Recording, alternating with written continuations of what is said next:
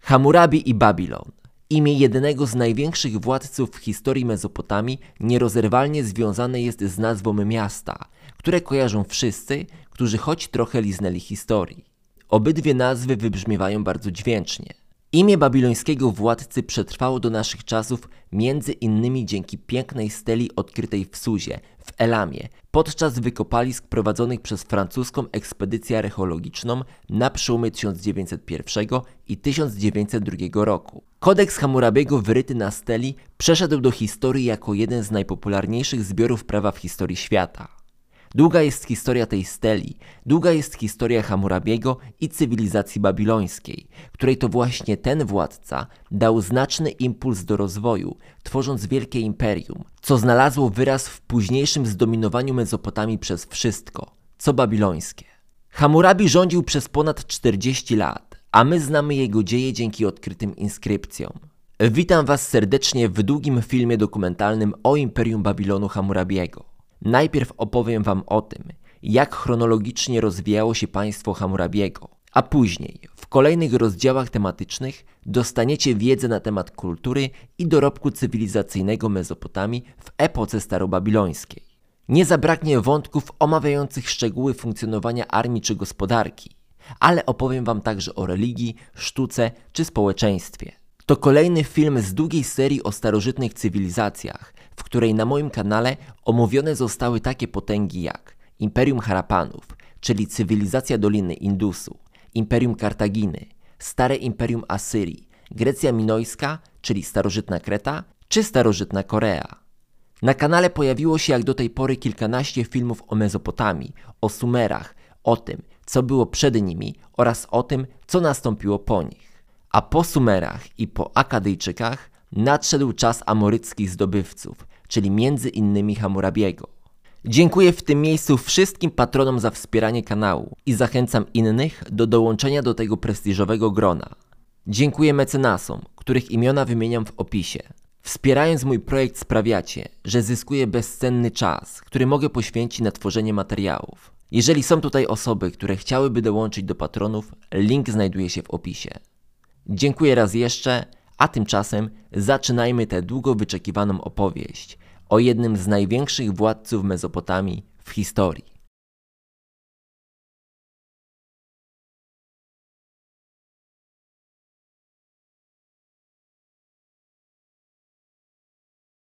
Starożytna Mezopotamia, zwana też Międzyrzeczem, to kraina położona na terenach dzisiejszego Iraku oraz części Iranu, Turcji, Kuwejtu i Syrii.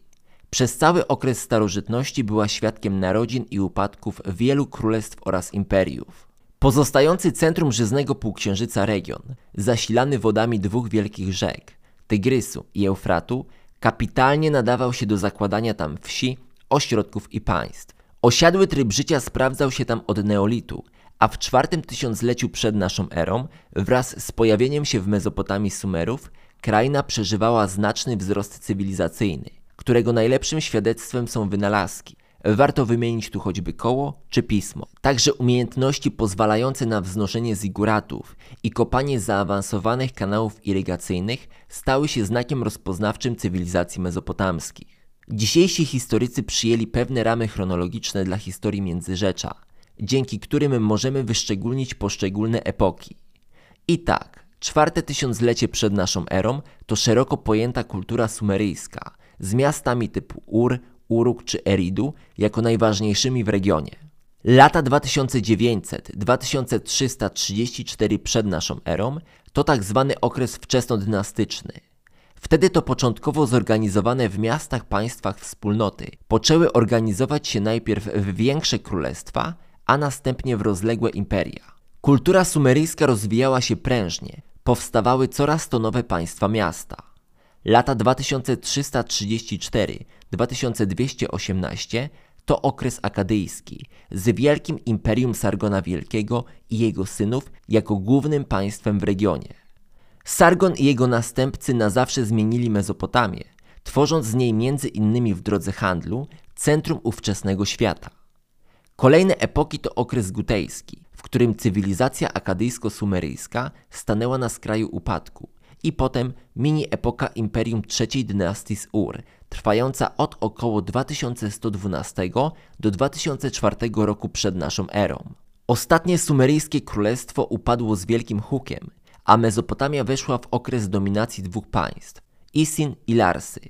Na lata 1874-1595 przed naszą erą przypada epoka zwana Starym Imperium Babilońskim. Prawie trzystuletni okres, w którym powstało jedno z najpotężniejszych imperiów w historii starożytności, na zawsze zapisał się w dziejach Mezopotamii i świata, a to za sprawą słynnego króla Hammurabiego i jego dokonań. To jego uważa się za jednego z największych, jeśli nie największego, władcę w historii całego regionu. Ojczyzną zdobywcy był oczywiście Babilon.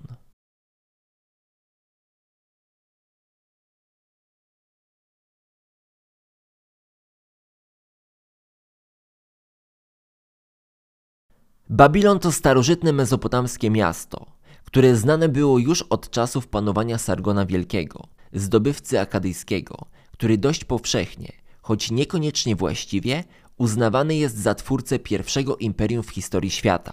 Pierwsze wzmianki o ośrodku datuje się na przełom XXIV i XXIII wieku przed Chrystusem.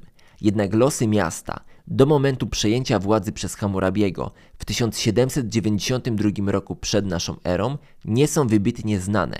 Była to po prostu mała wieś, lokalny ośrodek, położony w dobrym punkcie geograficznym.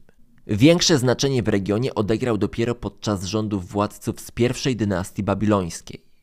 To z tej dynastii jako szósty z kolei wyłoni się Hammurabi.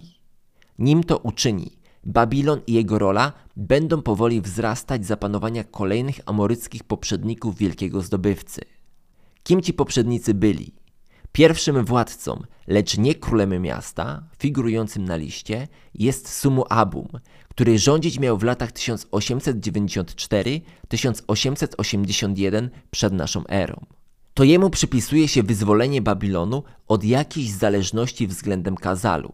Sumulael, jego następca, dokonał pierwszych znacznych podbojów terytorialnych, rozciągając władzę nad legendarne Kisz, miasto-państwo, które było świadkiem narodzin tzw. Tak Imperium Kisz, państwa zwanego w ten sposób, które powstało wieki przed Sargonem Wielkim.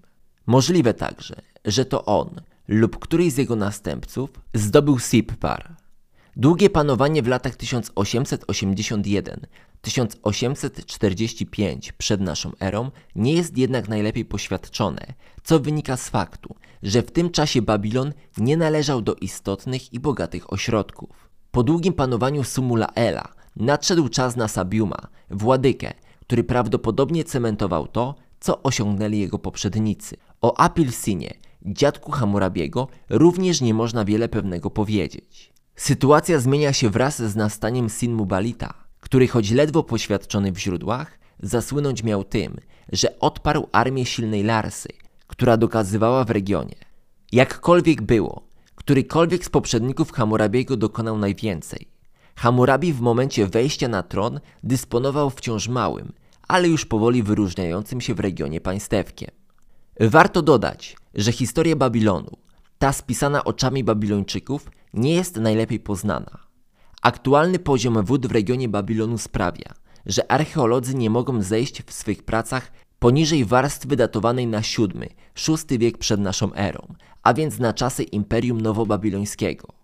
Mimo to historię Babilonu znamy lepiej niż wielu, wielu młodszych państw, w tym tych europejskich. Wynika to z faktu, że do naszych czasów przetrwało mnóstwo zapisków z okolicznych państw. W kontekście Hammurabiego istotne są odkrycia w Marii, które ukazały korespondencję między posłami a tamtejszym władcą Zimrilimem, często bezpośrednio dotyczącą Hammurabiego. Te i mnóstwo innych, uzupełniających się podań z wielu ośrodków pozwoliły historykom na odtworzenie historii nie tylko Babilonu, ale i Mezopotamii w XVIII wieku przed naszą erą i to w sposób niezwykle szczegółowy.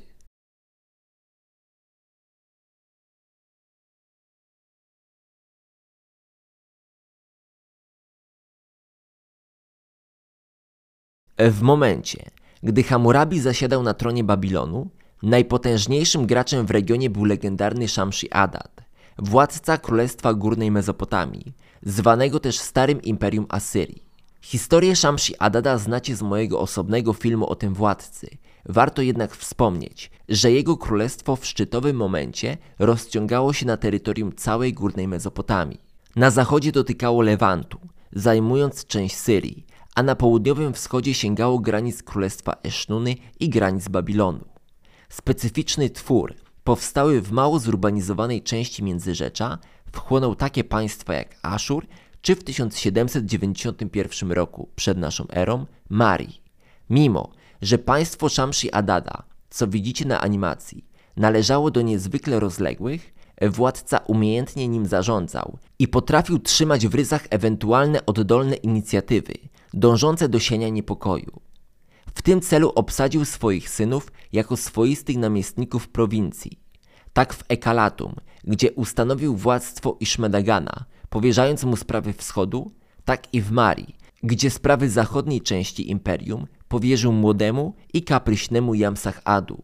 Jałowe i słabo zaludnione obszary północy nie przeszkadzały zdobywcy w pojedynczych wypadach i kampaniach przeciwko sąsiadom, jednak rozwój terytorialny starego imperium Asyrii zakończył się na górnej Mezopotamii. W momencie, gdy Hammurabi przejmował władzę w Babilonie, państwo Shamshi Adada krystalizowało swój ostateczny rozmiar.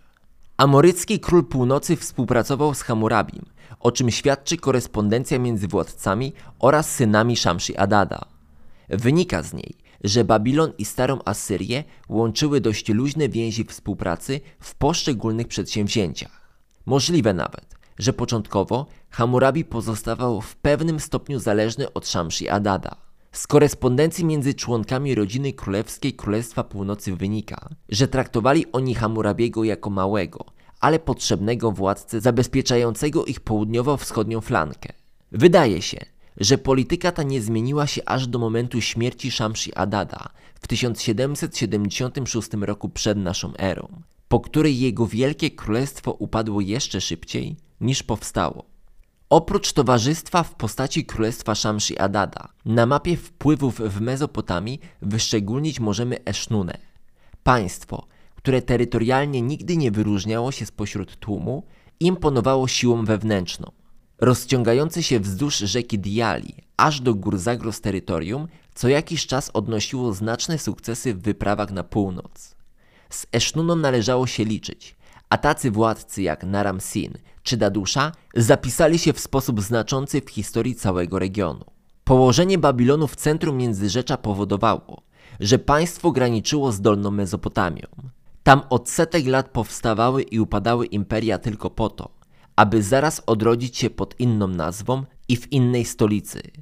Po upadku imperium trzeciej dynastii z Ur, nazywanej ostatnim sumeryjskim imperium, na mapie regionu wykrystalizowały się dwa wielkie królestwa Isin i Larsa. W momencie, gdy Hammurabi wkraczał do gry, po potędze Isin pozostała już tylko pamięć i ośrodek o tej samej nazwie, który utrzymywał w swym władaniu Rimsin. Król Larsy, wchłaniając odwiecznego wroga, zbudował silne imperium zajmujące terytoria geograficznego Sumeru, czyli południowej, dolnej Mezopotamii. Od Zatoki Perskiej do granic Babilonu rozciągało się zatem państwo Rimsina, które jeszcze kilka lat wcześniej walczyło z koalicją złożoną z Isin, Uruk i Babilonu. Na mapie politycznych wpływów wyróżnia się także silne państwo Elamu, które rozciągało się od położonej na zachodzie tego kraju Suzy, aż po Anshan i dalej na wschód.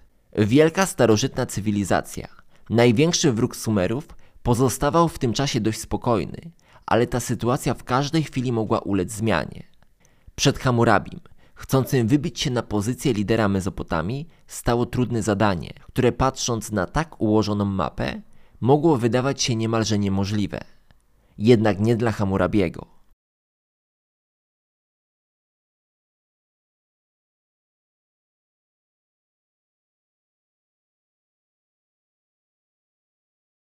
Hammurabi, kolejny amorycki król w regionie, szósty z kolei władca Babilonu, wstąpił na tron w 1792 roku przed naszą erą. Odziedziczone po ojcu Sinmubalicie królestwo nie należało do czołowych graczy w ówczesnej XVIII-wiecznej Mezopotamii. Ojczyzna Hammurabiego nie wyróżniała się niczym szczególnym, od jedno z wielu miast państw regionu. Babilon w przeciwieństwie do wielu miast w Dolnej Mezopotamii nie miał długiej historii politycznej. Sam ośrodek istniał tylko kilkaset lat, około 500, przed nastaniem Hammurabiego. Esznuna, Mari, Uruk czy Ur mogły pochwalić się dużo, dużo starszym dziedzictwem, jednak prestiż starożytnych ośrodków nie przestraszył Hammurabiego, który już niebawem ze swojej stosunkowo młodej i małej ojczyzny ustanowi centrum mezopotamskiego świata. Nim do tego dojdzie, Babilończyka czekać będą lata zajmowania się sprawami wewnętrznymi. W momencie objęcia rządów Hammurabi dysponował państwem o wymiarach około 60 na 160 kilometrów. Był to zatem obszar dość skromny, szczególnie biorąc pod uwagę sąsiadów, którzy otaczali Babilon. Poprzednicy Hammurabiego przyłączyli do swego amoryckiego państwa okoliczne miasta państwa, takie jak legendarne Kisz, Sippar czy Borsippe, co dawało pewien prestiż, jednak na pewno nieporównywalny z innymi państwami w regionie. A tych, jak już powiedziałem, wokół Babilonu nie brakowało. W pierwszych latach panowania Hammurabi pozostawał zajęty sprawami wewnętrznymi. Istnieją pewne wzmianki o wyprawach militarnych, lecz nie miały one raczej charakteru stałego podboju. Dysponujemy określeniami rocznymi króla, które nazywały dany rok od jakiegoś ważnego wydarzenia, które przedsięwziął. I tak pierwsze sześć określeń rocznych brzmi następująco, cytując po kolei. W pierwszym roku Hammurabi królem, w drugim sprawiedliwość w kraju ustanowił, w trzecim tron sanktuarium wspaniałego Nany w Babilonie ustawił, w czwartym mury klasztoru świątynnego zostały zbudowane, w piątym on władca prawa stworzył, w szóstym hymn do bogini las ułożył. Pierwsze sześć lat odnosi się wyraźnie do spokojnego życia wewnętrznego. Warto jednak zastanowić się, co pod tymi określeniami się kryło. Hammurabi królem wyjaśniać nie trzeba, ale ciekawie brzmi ustanowienie w kraju sprawiedliwości. W żadnym wypadku tekst ten nie odnosi się do wydania tzw. Tak kodeksu Hammurabiego, czyli słynnego zbioru praw. Wręcz przeciwnie. Kodeks Hammurabiego powstał pod koniec rządów króla, jako jego spuścizna, jako zbiór wyroków, precedensów oraz kazusów sądowych, jakie wydawano przez okres jego panowania. W tym przypadku chodziło o anulowanie zobowiązań, niespłaconych długów, które zaciągnęli przedstawiciele społeczeństwa babilońskiego, czyli zwykli ludzie. Takie nowe rozdanie było praktyką powszechnie stosowaną w całej historii babilońskiej, przede wszystkim tej późniejszej. Poddani króla pozostawali w uścisku narzuconym przez miejskich, prywatnych bankierów, często zapożyczeni, zastawiali swoje dobytki, niejednokrotnie trafiając w niewolę z powodu braku możliwości spłaty długów. Polityka amoryckich królów wyzwolicieli nie zakładała tylko wyzwolenia danych ludów przez podbój, ale także brała pod uwagę wyzwolenie spod zależności finansowej. Zwolnienie z zobowiązań z reguły dotyczyło prywatnej osoby. Poddanych nie obejmowało jednak inwestorów czy kupców, którzy zaciągali kredyt w celu osiągnięcia korzyści materialnej. Jak widać, i w starożytności biznes wiązał się ze znacznym ryzykiem i nie każdy był w stanie takowe ponosić. Na amnestii długów nie tracili bankierzy, których spłacano, tylko de facto skarbiec pałacu, a więc sam król. Jednak cena nie była wygórowana, gdy spojrzymy na osiągane tym zagraniem korzyści. Król mógł wystąpić w roli wyzwoliciela z okowów, tego, który podaje rękę tym, którzy pozostają w finansowej zapaści. Pasterz, który opiekuje się swym stadem. Wielkoduszność władcy występowała zapewne oczywiście wtedy, gdy było to konieczne. U Hammurabiego widzimy taki manewr po raz pierwszy na początku kariery po to, aby kupić mu silną legitymizację u przeciętnego poddanego babilońskiego. Król kasował zobowiązania jeszcze w 13 roku oraz w 31 po erze wielkich podbojów na terytoriach świeżo zdobytych. Cel był jasny – rozpocząć współpracę z nowymi poddanymi od wielkodusznego gestu. Spryciarz. Ciekawiej robi się pod rokiem szóstym i siódmym. Tutaj mamy informację, jakoby Hammurabi podbił Uruk i Isin, a potem kraj Jamudbal. Wynika z tego, że już w pierwszych latach rządów człowiek z Babilonu znacznie powiększył swoją domenę, jeżeli założymy, że wchłonął te państwa, a nie tylko złupił. Zajęcie rozległych terenów oznaczało, że wkroczył on w strefy wpływów przede wszystkim Rimsina, jednak nie mamy informacji o akcji odwetowej ze strony władcy Larsy. Panowanie nad miastami państwami typu Kisz czy Kazalu zmieniało się na przestrzeni wcześniejszych lat. Ośrodki teraz zyskiwały częściową autonomię, raz ją traciły. Możliwe, że Hammurabi nie został zaatakowany z racji faktu, że utrzymywał sojusz z Shamshi Adadem.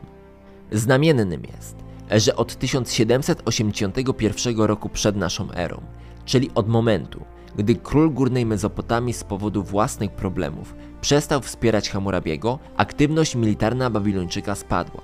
Co do kraju Jamudbal, warto tu zwrócić uwagę na lokalizację tej krainy zaproponowaną przez Marka Stępnia w książce Kodeks Hammurabiego. Lokalizował on Jamudbal na pograniczu elamicko-babilońskim, na wschodnim brzegu Tygrysu. Nazwa krainy pochodzić miała od nazwy amoryckiego plemienia, które zamieszkiwało ten teren. Jamudbalem określano również Larsę, a więc państwo rządzone przez Rimsina. Pasmo sukcesów nie zakończyło się na okolicznych ośrodkach, bowiem Hammurabi sięgnął jeszcze w X roku po Malgum, główne miasto w okolicy. Jedenasty rok to zdobycie Rapikum i Szalibi, a więc okolicznych ośrodków. Kolejne lata panowania króla to pojedyncze wypady na pobliskie terytoria oraz przede wszystkim koncentracja na polityce wewnętrznej i gospodarce. Hammurabi wznosił świątynię oraz nakazał budowę kanałów irygacyjnych, które nazywał w sposób nie tyle propagandowy, co wręcz indoktrynalny. Jeden z nich nazwał dla przykładu Hammurabim obfitości. Zerknijmy więc w ramach szybkiego przeglądu na to, co uczynił Hammurabi, nim ruszył w wielką kampanię przeciwko wszystkim swoim wrogom. W dwunastym roku postawić miał tron Sarpanitum, czyli sanktuarium bogini będącej małżonką Marduka i matką boga Nabu. W trzynastym roku brązowe podobizny króla wraz z ołtarzem zapewne zostały stworzone, ustawione. W czternastym roku tron Isztar z Babilonu ustawił. Ustawienie tronu oznacza tu zbudowanie miejsca kultu danego boga, bogini. W tym przypadku była to Isztar. W piętnastym roku siedem posągów zapewne ustawił. W szesnastym roku tron Nabu ustawił. Nabu był babilońskim bogiem sztuki pisarskiej i jemu zapewne zbudował Hammurabi osobne miejsce kultu. W 17 roku posąg Isztar z Kibalbaru aż do nieba podwyższył. W 18 sanktuarium wspaniałe Enlila w Babilonie wzniósł. W 19 mur potężny Igi Hursak. Igi Hursak było prawdopodobnie ośrodkiem na północ od Babilonu w kierunku Marii. Babilończyk otoczył je murem lub jego mury zburzył. W 20 tron Adada ustawił. Adad był babilońsko-asyryjskim bogiem burzy i deszczu, z głównymi miejscami kultów w Aleppo i w Aszur. To jego imię przybrał Shamshi Adad, król górnej Mezopotamii. W 21 roku mur miasta Basum zbudował. W 22 posąg Hammurabiego jako króla prawa prawdopodobnie ustawił. Nie chodzi tu jednak jeszcze o kodeks Hammurabiego. W 23 fundamenty muru miasta Sippar. W 24 kanał Tigida dla Enlila i koryto Eufratu przekopał. Tutaj chodzi o prace irygacyjne. W 25 mur wielki Sippar zbudował. W 26 sanktuaria wielkie ze złota pewnie postawił. W 27 emblematy wspaniałe ze złota błyszczącego na oczach wojska ustawił. W 28 świątynię Adada zbudował i w 29 roku panowania posąg bogini Szala ustawił. Szala była boginią pogody, żoną Adada. Tak prezentują się określenia roczne dotyczące rządów Hammurabiego do 29 roku jego panowania. Nie ma tutaj zbyt wielu śladów o jakichkolwiek podbojach. Wszystko to miało się dopiero zmienić. W momencie śmierci Shamshi Adada Mezopotamia wkroczyła w czas, w którym kilka państw dysponowało podobną siłą. Warto tu zacytować jeden z listów wysłany przez urzędnika do władcy Marii. Nie ma króla, który by sam jeden był najsilniejszy. Dziesięciu lub piętnastu królów idzie za Hammurabim, panem Babilonu. Tyle samo idzie za Rimsinem, panem Larsy. Tyle samo za Ibal Pielem z Esznuny. Tyle samo za Amud Pielem z Katny. A dwudziestu idzie za Jarim Limem z Jemhadu. Dodajmy do tego króla Marii, do którego adresowany był ten list, oraz króla Elamu i mamy niezwykle wyrównany układ sił około roku 1776 przed naszą erą. To miało się już wkrótce zmienić. Do określeń rocznych jeszcze powrócę, bowiem mamy ich łącznie 43, a od roku 30 zaczynają się te najbardziej istotne dla historii militarnej Hammurabiego. Te, które przytoczyłem przed chwilą, wyraźnie obrazują nam Hammurabiego jako władcę, który ustawiał trony, czyli zapewne ustanawiał centra kultów danych bogów w określonych miastach. Budował świątynie i sanktuaria, stawiał bogom i sobie liczne posągi. Kanały irygacyjne i przekopy na rzece podkreślają jego rolę jako gospodarza. Ta najwyraźniej wybrzmiewa, gdy zaczniemy analizować jego kodeks. W pierwszych 30 latach Hammurabi skupił się zatem na budowaniu dobrobytu wewnętrznego swojego państwa, nie wychodząc zbytnio poza jego obszar. Wszystko zmieniło się w 30 roku panowania króla.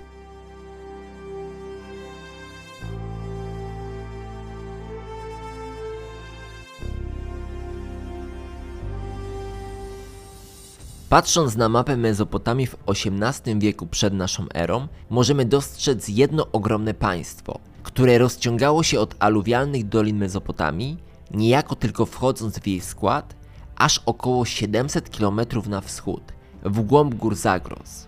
Państwem tym był Elam. Starożytna cywilizacja, zupełnie niesłusznie pomijana w zestawieniach największych cywilizacji starożytności, była swoistym konglomeratem kontrastów. Zachodnia część państwa to doliny, zupełnie inny klimat niż wschodnie, wyżynne i górzyste terytoria. Różna była gospodarka oraz kultura materialna tych obszarów. Kontrast geograficzny znalazł wyraz w podziale administracyjnym. Wschodem zarządzał Sukalmach, najwyższy władca całego Elamu, stacjonujący w Aneshan. Zachodem zaś administrował pozostający nieco niżej w hierarchii Sukkal, zarządca Suzy, ośrodka trochę elamickiego, trochę mezopotamskiego. W czasach rządów Hammurabiego w Suzie rezydował Sukkal Kuduzulusz, a w Anshan Sukal Mach Sive Palarhupak. Elam od pewnego czasu, od momentu dobicia imperium trzeciej dynastii z Ur, które to wydarzenie miało miejsce pod sam koniec trzeciego tysiąclecia przed naszą erą, pozostawał względnie spokojny względem wydarzeń w Mezopotamii, raz po raz wybierając się w pojedynczej kampanii na zachód. Tak, jak to miało miejsce w 1781 roku przed naszą erą, kiedy Elamici wsparli wojska Shamshi Adada, walczącego z plemionami z Zagrosu. Elam jako państwo położone w górach dysponował surowcami, których próżno było szukać w Międzyrzeczu. Szlaki handlowe dostarczające towary na terytoria cywilizacji i ośrodków żyznego półksiężyca i nie tylko, przechodziły między innymi przez ten kraj. Wpływy kulturowe docierały tu z każdej strony. I od wschodu, i od zachodu, ale także od północy i z południa. Elamici kontrolowali szlak handlowy transportujący cynę, niezbędną do produkcji broni. Trzymali pieczę nad handlem lapis lazuli, niezwykle ekskluzywnym kamieniem, który w swej niezwykłości interesował rzemieślników i urzekał jubilerów z najróżniejszych zakątków świata, do których docierał w drodze handlu. Z Elamu do Mezopotamii sprowadzano także kamień, niezbędny do budowy pałaców, świątyń czy pomników. Jednym słowem, bogactwo. Bogactwo dużo większe niż to, którego doświadczały najlepiej prosperujące ośrodki w Mezopotamii. Nie dziwi zatem fakt, że choć Elamici nie angażowali się militarnie zbyt często w sprawy Międzyrzecza, to stanowili oni niezwykle istotny czynnik polityczny na mapie wpływów Mezopotamii. Często to ich w roli sędziów widzieli władcy z Międzyrzecza podczas lokalnych sporów. Można wysunąć nawet tezę, że z racji osłabienia Egiptu w tym czasie, z racji kruchości amoryckich państw w Międzyrzeczu, to Elam był najpotężniejszym państwem w ówczesnym świecie żyznego półksiężyca. Nie dziwi zatem, że Elamici w pewnym momencie postanowili sięgnąć po znacznie więcej niż to, co mieli. Doszło do tego w 1767 roku przed naszą erą. Po upadku starego imperium Asyrii w Mezopotamii na czoło wysunęła się Esznuna. Niewielkie państewko imponowało siłą wewnętrzną, co raziło w oczy Sukalmacha Elamu, Sive Palarhupaka. Esznuna stała bowiem na drodze Elamu do wpływów, które gwarantowała górna Mezopotamia i zachód krainy. Władca elamicki postanowił nawiązać przyjazne stosunki z królem Marii, Zimri Limem, a panujący zaczęli wymieniać między sobą grzecznościowe dary oraz wysyłać ambasadorów z poselstwami.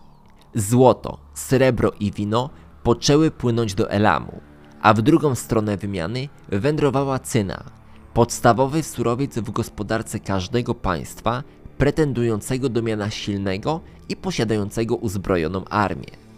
Nic nie łączy nieprzyjaciół jak wspólny wróg.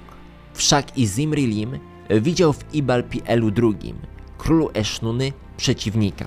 Ten raz po raz najeżdżał bowiem jego ziemię oraz podburzał miejscowe plemiona przeciwko wciąż kruchej, odnowionej dopiero co po upadku królestwa Shamshi Adada władzy Marii w regionie. Wydaje się, że do koalicji Elamu i Marii dołączył Hammurabi. Na przełomie 1766 i 1765 roku przed naszą erą, zjednoczona przeciwko Esztunie koalicja wkroczyła na tereny królestwa rozpościerającego się wzdłuż rzeki Diali, podbijając ten kraj i łupiąc jego stolicę. Król Suzy, reprezentujący interesy Elamu, osiadł w tym mieście, a Elam postanowił utrzymać nowo podbite terytoria oraz odważniej spojrzeć na tereny górnej Mezopotamii. Jednak sposób, jaki wybrał, nie był najtrafniejszy. Shive Palarhupuk, Sukul Anshan, pewnego razu wysłał kilka listów. Jeden z nich trafił do Hammurabiego, któremu Elamita rozkazał oddać wszystkie miasta Esznuny, jakie Babilończyk zajmował po wspólnym ataku. W podobnym czasie posłał korespondencję do Zimri Lima z Marii, sugerując, aby władca zerwał wszelkie kontakty z Babilonem. Kolejnym krokiem było wysłanie listu do Hammurabiego, któremu Sukulmach Elamu rozkazał zebrać armię gotową do ataku na Larsę, rządzoną przez Rimsina. Hammurabi, zdaje się, że posłuszny lub udający posłuszeństwo, odesłał informację, że jego wojska będą gotowe. W międzyczasie Elamita popełnił błąd. Patrząc z perspektywy późniejszych wydarzeń, znaczny błąd. Wysłał list do Rimsina z Larsy, którego zapytał wprost o wsparcie w kampanii wymierzonej przeciwko Hammurabiemu. W ten czas Hammurabi i Rimsin, widocznie pozostający w tym czasie w przymierzu, porównali oba listy i na jaw wyszło, w co pogrywa król Elamu. Mari w tym czasie trzymało z Elamem, jednak i Mari, i Elam patrzyli w tym samym kierunku, w kierunku północnej Mezopotamii. Konflikt na tej linii był zatem tylko kwestią czasu. Na północy Mezopotamii wpływy Mari i Elamu ścierały się, co musiało znaleźć wyraz w rozstrzygnięciu zbrojnym. Na to nie trzeba było długo czekać. Sukalmach jako pierwszy cel wyznaczył sobie Babilon. Chciał podbić ojczyznę Hammurabiego i rozpoczął poszukiwania sprzymierzeńców. Zdający sobie sprawę z sytuacji Babilończyk nie pozostał bierny i nawiązał sojusz ze Zimri Limem. W 1765 roku przed naszą erą królowie ślubowali przed bogami wzajemny traktat, a król Marii porzucił swoją dotychczasową przyjaźń z Elamitami. Dokonując szybkich poborów z mieszkańców wsi oraz spośród członków plemion przebywających w jego królestwie, oczywiście pod groźbą, król Marii zbierał znaczne, choć niezbyt wyszkolone armie i posyłał je w kierunku Babilonu. Wojska docierały do Hammurabiego po kolei, a za każdym razem w obozie Babilończyka czyniono z tego powodu okazję do świętowania. Wiemy, że Hammurabi płacił Zimri Limowi w darach na rzecz jego pałacu, a więc sojusz i armie wysłane z Marii miały swoją cenę. Do koalicji dołączył król Ekalatum, niejaki Iszmedagan, syn słynnego Shamshi Adada, pewne plemiona z kraiku Zamlakum oraz wojska teścia Zimri Lima, władcy Jamhadów w Syrii. Elam powołał do walki swoje armie, zwołał mieszkańców górzystych terenów gór Zagros, wojska podbitej Esznuny oraz Kunama, władcy miasta Shubat Enlil, pozostającego w przymierzu z Elamitami. Skład uzupełniał Atamrum, który również był władyką dokazującym w imieniu Elamu na północy. Larsa nie objęła w tym konflikcie żadnej ze stron. Początkowo inicjatywę przejął Sukal Elamu, który zajął istotne miasto Upi, na co Hammurabi odpowiedział zmasowaną mobilizacją, także wśród niewolników i kupców. Niestety, Babilończyk nie zdążył z odsieczą. Miasto zostało zdobyte i splądrowane. Armie obydwu stron wycofały się na pozycje początkowe. Konflikt wznowiono wkrótce, w 1764 roku przed naszą erą. Elamici w wielkiej sile 30 tysięcy rozpoczęli oblężenie miasta Hiritum w okolicach istotnego dla Babilonu Sipar. Najeźdźcy poczęli stawiać maszyny oblężnicze, jednak sprytny fortel miejscowych, polegający na uwolnieniu wody z kanałów irygacyjnych, spowodował zalanie ziemi, na której stanąć miały rampy maszyn. Naprzeciw Elamitom ruszyli Babilończycy, którzy w pewnej swej części omijając elamickie oddziały, dotarli na ich tyły, paląc pola i rabując bydło, a więc odcinając najeźdźców od zaplecza żywnościowego. Babilończycy byli przygotowani do ofensywy, jednak ta nie była nawet potrzebna. Przeciwko Sukalowi wystąpił Atamrum, władca, który utrzymywał dla Elamu wpływy w północnej Mezopotamii. Przechodząc na stronę Marii, opowiedział się także jednocześnie za Hammurabi. Elamici poczęli wycofywać się z Babilonu, paląc za sobą wszystko, co napotkali. Dodatkowo niektórzy z dowódców Esznuny wraz z wojskami zdezerterowali z armii Elamu, a część z nich przeszła na stronę Hammurabiego. Wycofujący się w kierunku Ekalatum Sukal pomścił w odpowiedzi tę zniewagę i splądrował ziemię Esznuny, co doprowadziło do kolejnego buntu i wystąpienia z armii lojalnych wobec swej ojczyzny mieszkańców Esznuny. Do wypędzonego z terytoriów Esznuny Sukala Elamu i jego armii dotarło, że przegrał z Hammurabim nie tyle na polu bitewnym, co w sztuce dyplomacji. W efekcie tych wydarzeń między Elamem a Babilonem został zawarty pokój. We Sztunie władcą wybrano Silisina, a Elamici w znaczący sposób ograniczyli swoje zapędy w regionie, choć nie z własnej woli, a z racji braku realnych możliwości działania. Chociaż później wspierali Rimsina i Silisina z Esznuny w ich niesnaskach z Hammurabim, przegrali bezpośrednie starcie z władcą Babilonu. Na inskrypcji z imionami rocznymi Hammurabiego pod rokiem 30 wyryto Potężny ulubieniec Marduka, wspierany siłą przez bogów wielkich. Wojska Elamu od granicy Marchaszu pokonał, podobnie jak Subartu, Gutium, Tupliasz i Malgium, które powstały w swej wielkiej masie. Ustanowił fundamenty Sumeru i Akadu. Oczywiście określenie to jest nieco przesadzone, ale faktycznie mieszkańcy krain wymienionych przez króla brali udział w kampanii przeciwko niemu. Zwycięstwo nad Elamem, zawdzięczane przede wszystkim buntom wewnątrz obozu najeźdźców, dały Hammurabiemu okazję i czas do zrealizowania kolejnych planów na terenie Mezopotamii. Król Babilonu, król Sumeru i Akadu oraz czterech stron świata miał dopiero zaatakować.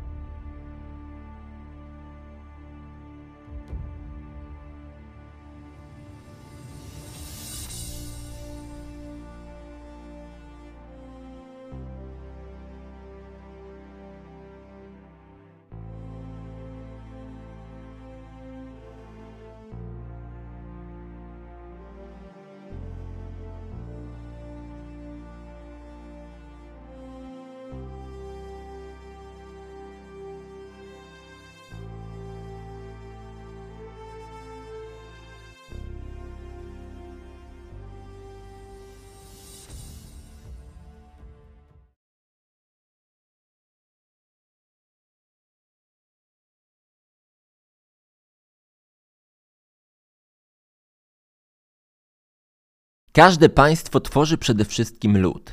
To nieodzowny element definicji państwa, oprócz władzy i terytorium. Warto zatem powiedzieć choć słowo o społeczeństwie w czasach Imperium Hammurabiego. No dobra, może trochę więcej niż słowo. Społeczeństwo różniło się w zależności od regionu. Inne było w górnej, inne w dolnej Mezopotamii, czyli w dawnym Sumerze. Po 33 latach panowania, z czego 30 nad samym Babilonem, Hammurabi stanął przed zadaniem administrowania nowym, ogromnym królestwem. Zajmując dolną Mezopotamię, Babilończyk nie podbijał ziem obcych względem siebie kulturowo. W Mezopotamii istniała przecież, licząc od samego Wielkiego Potopu, ponad tysiącletnia kultura, która była świadkiem narodzin i upadków wielu imperiów w przeszłości. W miastach wyczuwano pewną wspólnotę oraz podział na tutejszych i przyjezdnych. Jednak nie ma co ukrywać, że między mieszkańcami występowało wiele różnic. Pomijając oczywisty wątek mieszkańców wsi i miast, pasterzy koczowników przemierzających stepy na czele stad owiec, zwróćmy uwagę na inne aspekty. W Mezopotamii, podobnie jak dziś w Europie, zapytani mieszkańcy najpierw odpowiedzieliby, że są mieszkańcami Francji czy też Hiszpanii, a dopiero później, że Europejczykami. Tak samo było w miastach mezopotamskich.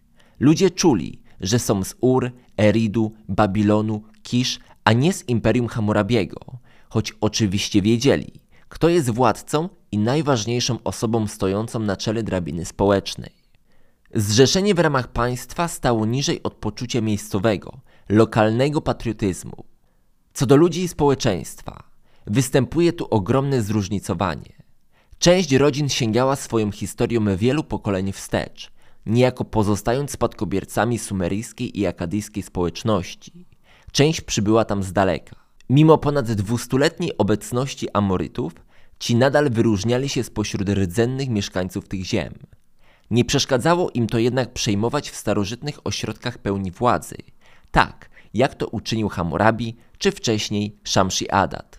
Od czasów Hammurabiego Sumer i Akkad nazywać się będzie Babilonią.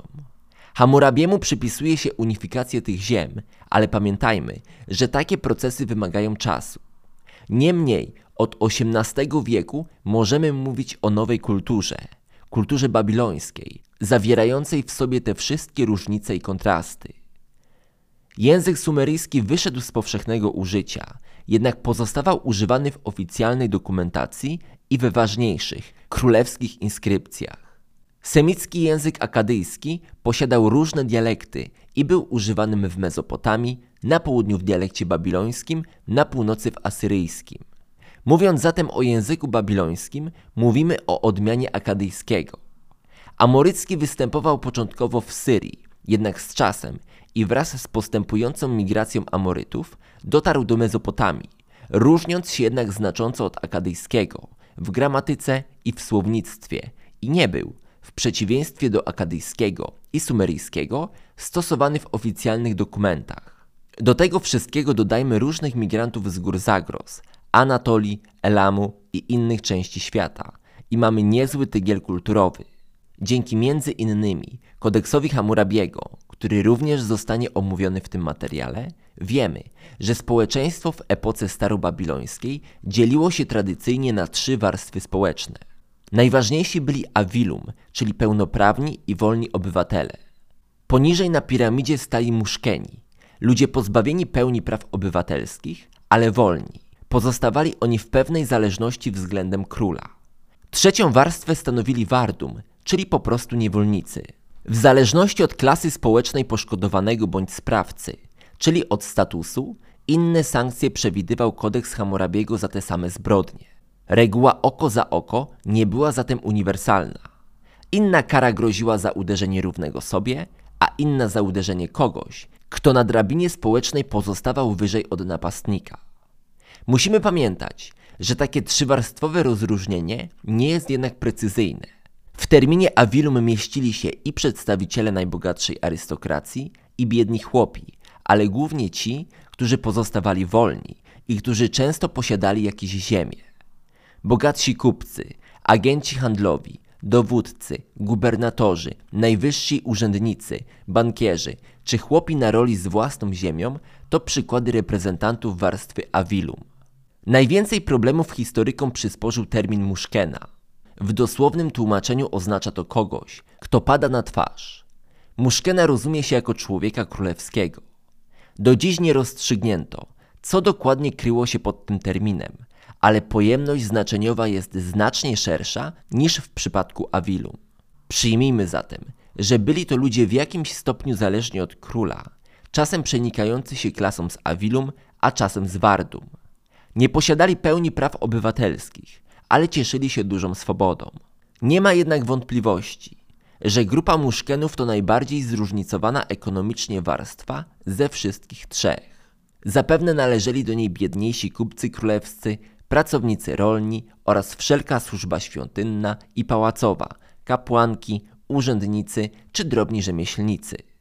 Wydaje się także, że przynależność do danej grupy mogła ulec zmianie, w zależności od sytuacji, w górę, jeśli dana osoba progresowała w swym życiu zawodowym, bądź w drugą stronę, gdy jej nie szło. Niewolnicy stanowili o największej sile roboczej, choć trzeba przyznać, że babilońscy nie mieli tak źle. Z kodeksu Hammurabiego jasno wynika, że mieli oni osobowość prawną i zagwarantowano im pewne prawa. Przykładowo, niewolnik mógł poślubić kobietę, która była wolna, a dziecko z takiego związku również stawało się z chwilą urodzenia wolne. Wardum mogli posiadać także swój majątek, choć siłą rzeczy nie był on wielki. Jednakże w wyjątkowych sytuacjach mógł taki być, bowiem w niewolę mógł wpaść każdy, jeśli zadłużył się i nie spłacił zobowiązania. Niewola za długi należała do tymczasowych i z chwilą spłacenia zobowiązania pracą Wardum wracał do dawnej pozycji. Status niewolnych w Babilonii należy zatem zupełnie inaczej rozumieć niż tych w Grecji czy w Rzymie. W kontekście imperium możemy mówić o decentralizacji władzy. Postępowała stopniowa marginalizacja władzy i potęgi świątynnej, a kapłani zaczęli nazywać się nie sługami bogów, a sługami Hammurabiego.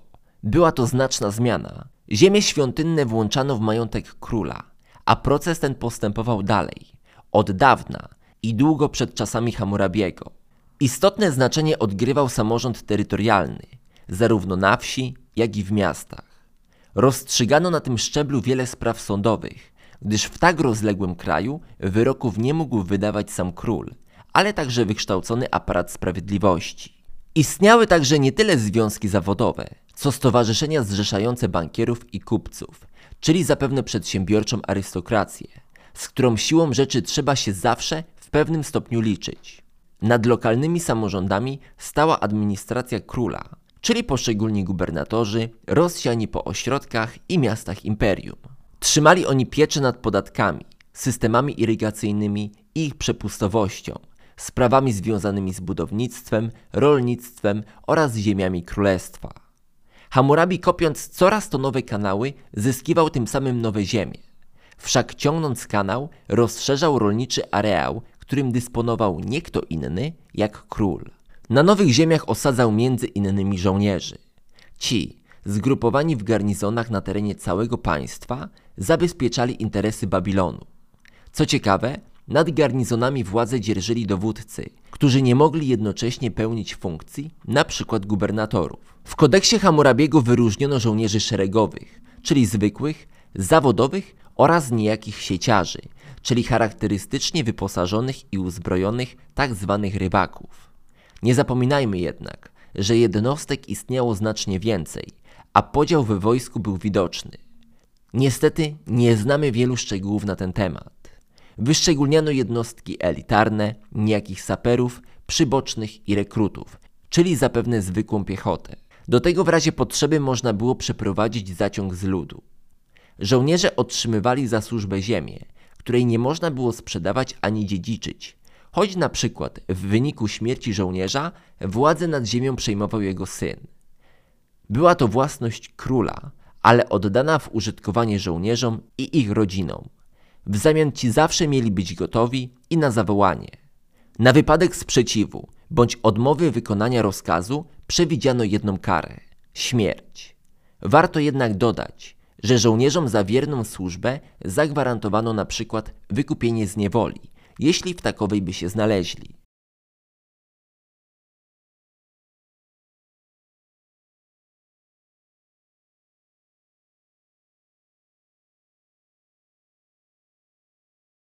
Hammurabi dał się poznać jako władca, który niezwykle dużo uwagi przywiązywał do religii.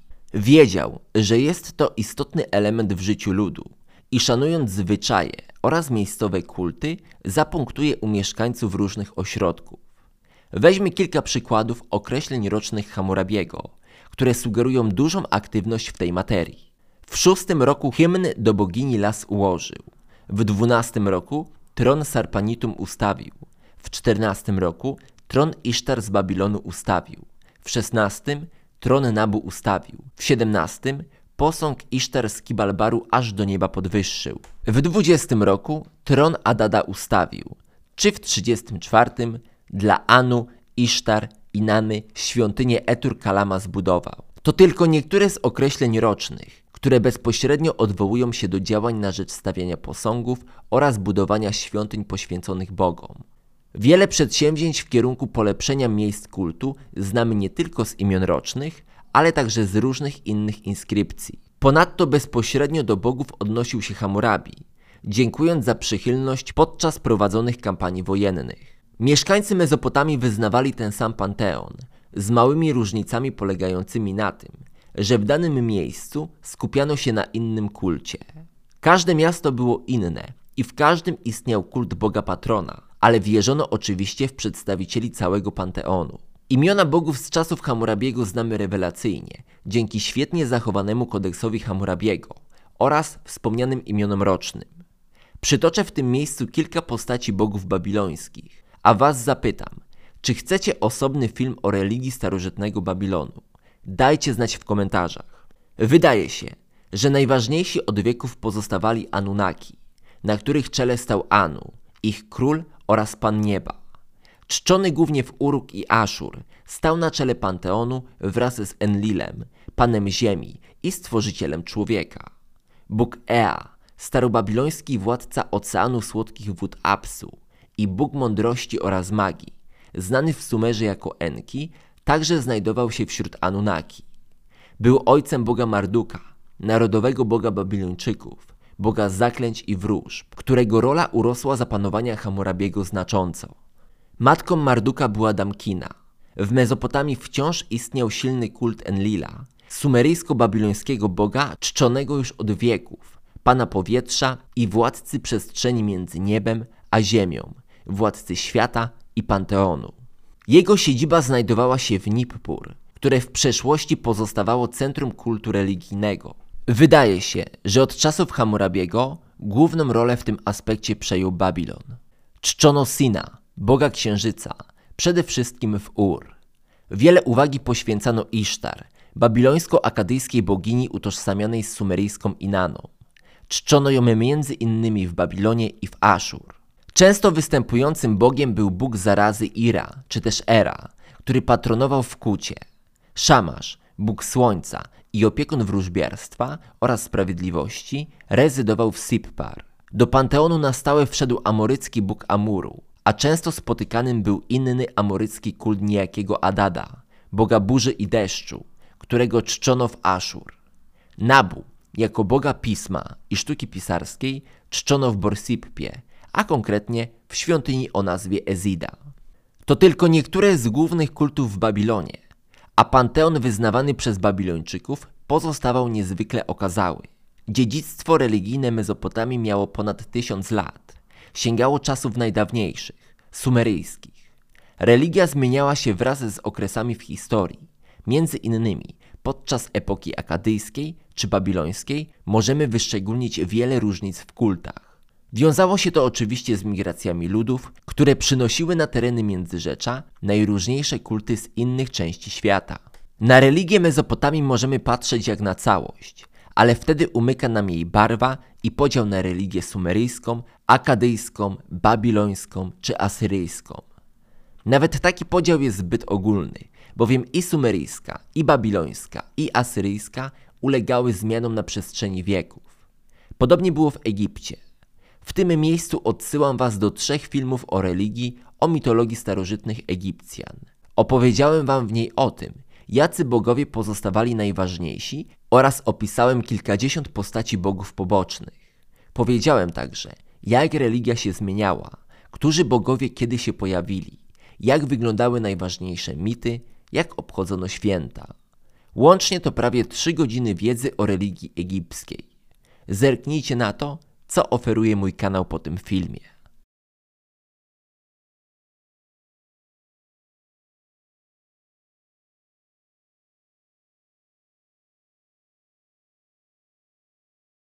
Do zadań władcy, niezależnie w którym państwie mezopotamskim, należało dbanie o kult, co wyraźnie widać w przytoczonych określeniach rocznych i w innych inskrypcjach z czasów Hammurabiego, przede wszystkim w jego kodeksie, do czego jeszcze dojdę. Świątynie w miastach poświęcano konkretnemu kultowi.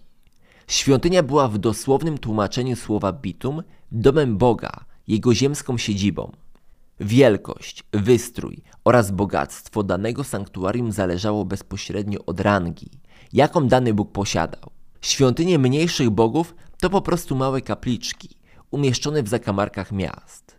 Miejsca kultu średnich bogów były okazalsze i przybierały postać mniejszych świątyń.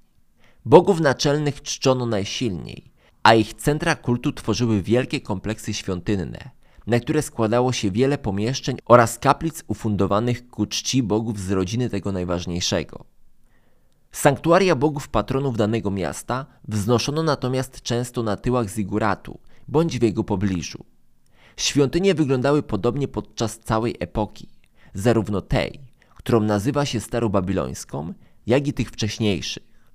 Otoczone przez mury, często zdobione, sprawiały wrażenie małych twierdz. Wewnątrz kompleksu, oprócz najważniejszego budynku, znajdowało się mnóstwo innych, takich jak skarbiec, biblioteka, szkoły dla pisarzy czy różne mieszkania kadry świątynnej. Wznoszono tam także magazyny, różne galerie i biura. Centrum kompleksu z reguły tętniło życiem. W najświętszym miejscu, celi, ustawiano posąg bóstwa, najczęściej w pozycji siedzącej. U stóp posągu składano najróżniejsze dary oraz ustawiano kadzielnice. W celi ustawiano ławy, na których znajdowały się inne posągi bóstw towarzyszących, królewskie stele czy dziękczynne wota. Na ustawionym w pomieszczeniu stole odbywały się uczty. Na dziedzińcu znajdował się ołtarz ofiarny. Boga wyrażonego w postaci posągów traktowano tak, jak króla, jako żywą istotę, której należało paść do stóp, którą należało nakarmić i po posiłku oczyścić usta. W zależności od świątyni, menu Boga przybierało zapewne różne formy i propozycje. Jednak na ogół Bóg jadł od dwóch do czterech posiłków dziennie. Lubił ryby, chleb i mięso, ale nie wzgardzał także słodkościami w postaci owoców czy miodu. Boga ubierano także w szaty i biżuterię, oczywiście najwyższej jakości. Przetrwało podanie o pewnym mezopotamskim rytuale, który polegał na tym, że podczas zmiany skóry na bębnie rytualnym do woła, który miał tę skórę narzeczony bęben dać, wyszeptywano modlitwę przez słomkę z trzciny. Do lewego ucha po akadyjsku, do prawego po sumeryjsku. Wół zapewne miał po takim akcie niezły mętlik w głowie, ale niedługo, gdyż chwilę później wół był już bębnem. Podczas różnych rytuałów i świąt posąg Boga ukazywano ludowi i wtedy opuszczał on świątynię. Swoiste festiwale przypominały te obchodzone w starożytnym Egipcie, a posąg noszono w lektykach lub transportowano barkami, oczywiście podczas gromadnych śpiewów i tańców. Na czele świątyni stał Sanga, którego prawdopodobnie mianował sam król. Miał on pod sobą cały aparat administracyjny związany z pracami wokół świątyni, a pracowali w niej skrybowie, inspektorzy, nadzorcy, strażnicy, sprzątacze oraz ludzie uprawiający należące do świątyni ziemię lub doglądający rogowizny. Występowało wiele rodzajów kapłanów, różnie ich określano, a wspomniany Sanga to tylko jeden z przykładów. Wygląda jednak na to, że kapłani oraz środowisko wokół świątynne stanowiło odrębną grupę społeczną, która miała swój kodeks zachowania i własne zwyczaje. Kiedyś świątynia i ludzie z nią powiązani sprawowali pełną kontrolę nad życiem miasta państwa. Jednak te czasy już minęły. Najważniejszy w państwie był bowiem król, który urzędował w Ekalum, w wielkim domu, czyli w pałacu.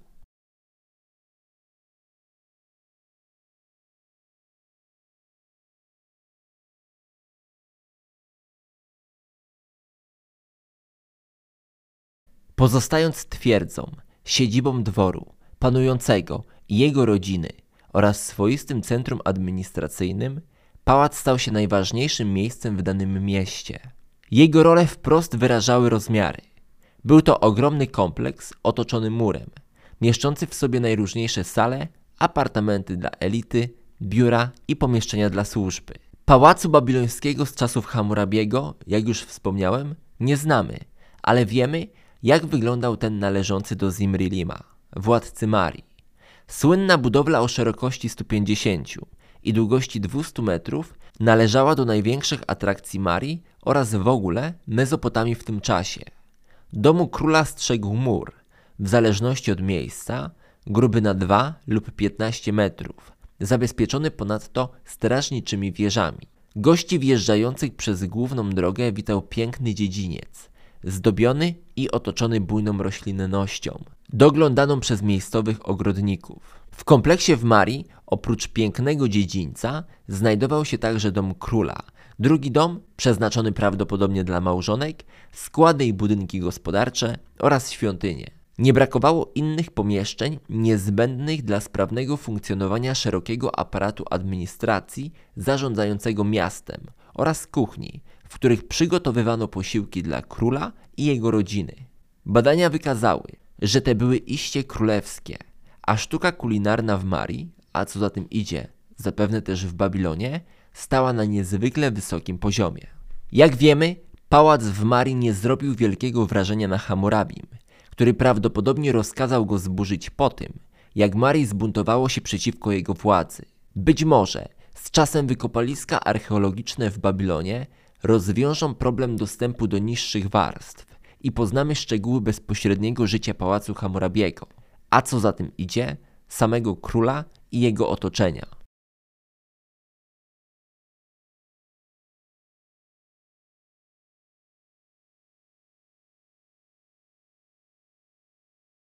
Po ostatnim z wielkich podbojów odnotowanych pod 39 rokiem panowania, Hammurabi pozostawał na tronie jeszcze przez 4 lata.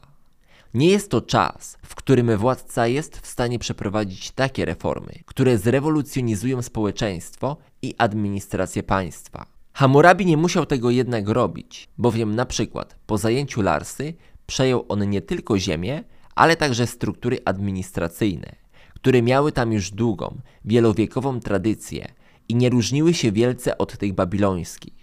W takich miejscach jak Larsa, człowiek z Babilonu pozostawiał swojego człowieka, nadzorcę, który czuwał nad jego sprawami i administracją złożoną często z miejscowych urzędników. W przypadku Larsy tereny te przekształcono w prowincję o nazwie Jamudbal. Sercem imperium był oczywiście Babilon, w którym urzędował sam Hammurabi i to tam trafiały podatki ze wszystkich części jego imperium. Hammurabi sam siebie określał mianem pasterza, którego celem jest zabezpieczenie stada. W domyśle zbłąkanych owieczek. Na jednej z inskrypcji wyryto Rozproszony lud Sumeru i Akadu zebrałem razem i zapewniłem dla niego pastwiska i wodopoje. Byłem mu pasterzem w obfitości i dostatku oraz sprawiłem, że zamieszkał w spokojnych osadach. Jednym z najważniejszych zadań stojących przed człowiekiem z Babilonu po tym, jak niczym walcem przejechał przez całą krainę podczas swoich kampanii wojennych, było zapewnienie ludziom spokoju i dobrobytu.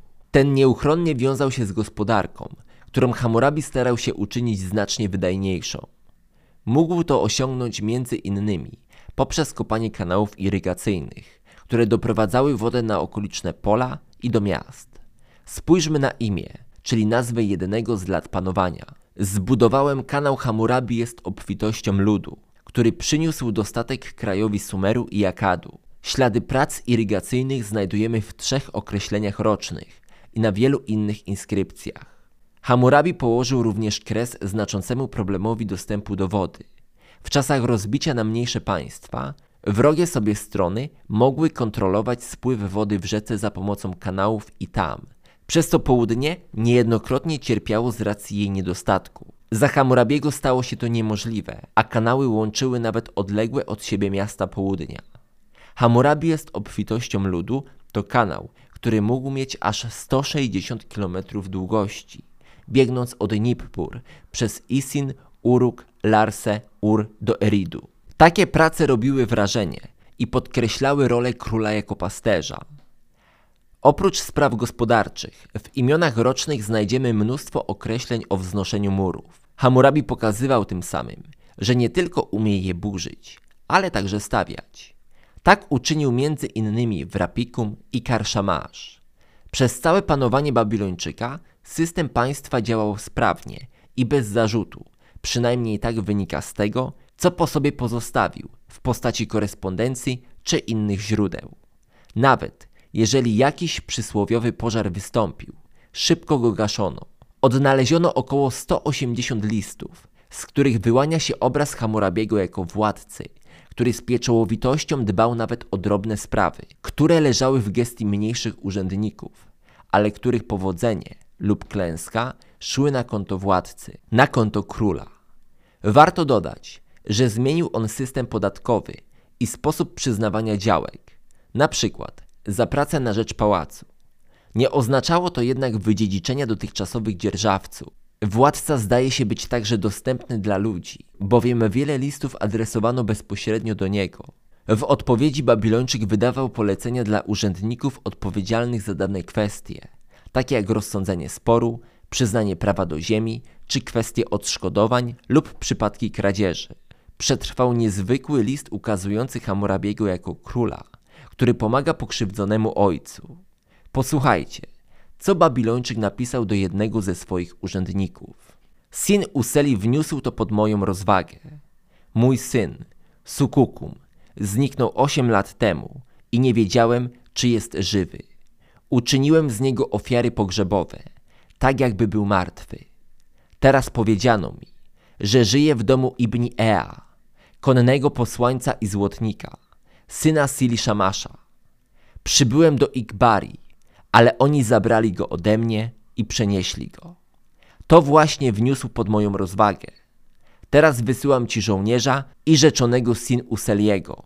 Jak tylko przybędą, wyślij z nimi wiarygodnego człowieka. Niech podążą do Ikbari i sprowadzą z powrotem Sukukuma, syna Sin Useliego oraz Ibni Ea, który trzymał go w swoim domu przez osiem lat. Niech przybędą do Babilonu. Ten niezwykły przykład wyraźnie ilustruje, jakim władcą był Hammurabi.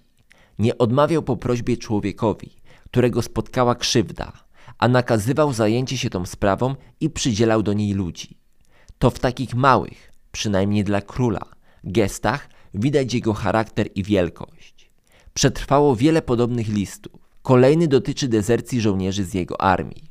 Wysłałem, tutaj imię jest ukruszone, z ludźmi, którzy pełnili straż przy bramie pałacowej, ale opuścili swój posterunek. Kiedy przybędą do ciebie, zbadaj sprawę i wymierz sprawiedliwość zgodnie z prawem, które obowiązuje teraz w Jamudbal. Bacz, aby wydano sprawiedliwy wyrok. Władca wydawał wyroki sam lub przez urzędników. Często dopytywał o szczegóły z życia i problemów służących, o niewielkie kawałki ziemi. Wszystko wskazuje na to, że był naprawdę dobrym pasterzem. Niektóre z werdyktów króla znalazły swoje odzwierciedlenie w wydanym przez niego zbiorze praw, który znany jest pod nazwą Kodeks Hammurabiego.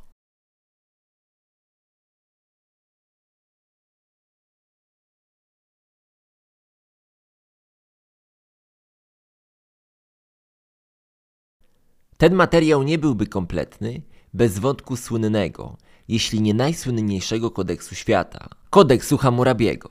Powszechnie panuje błędne przekonanie, że kodeks ten jest najstarszym zbiorem praw w historii.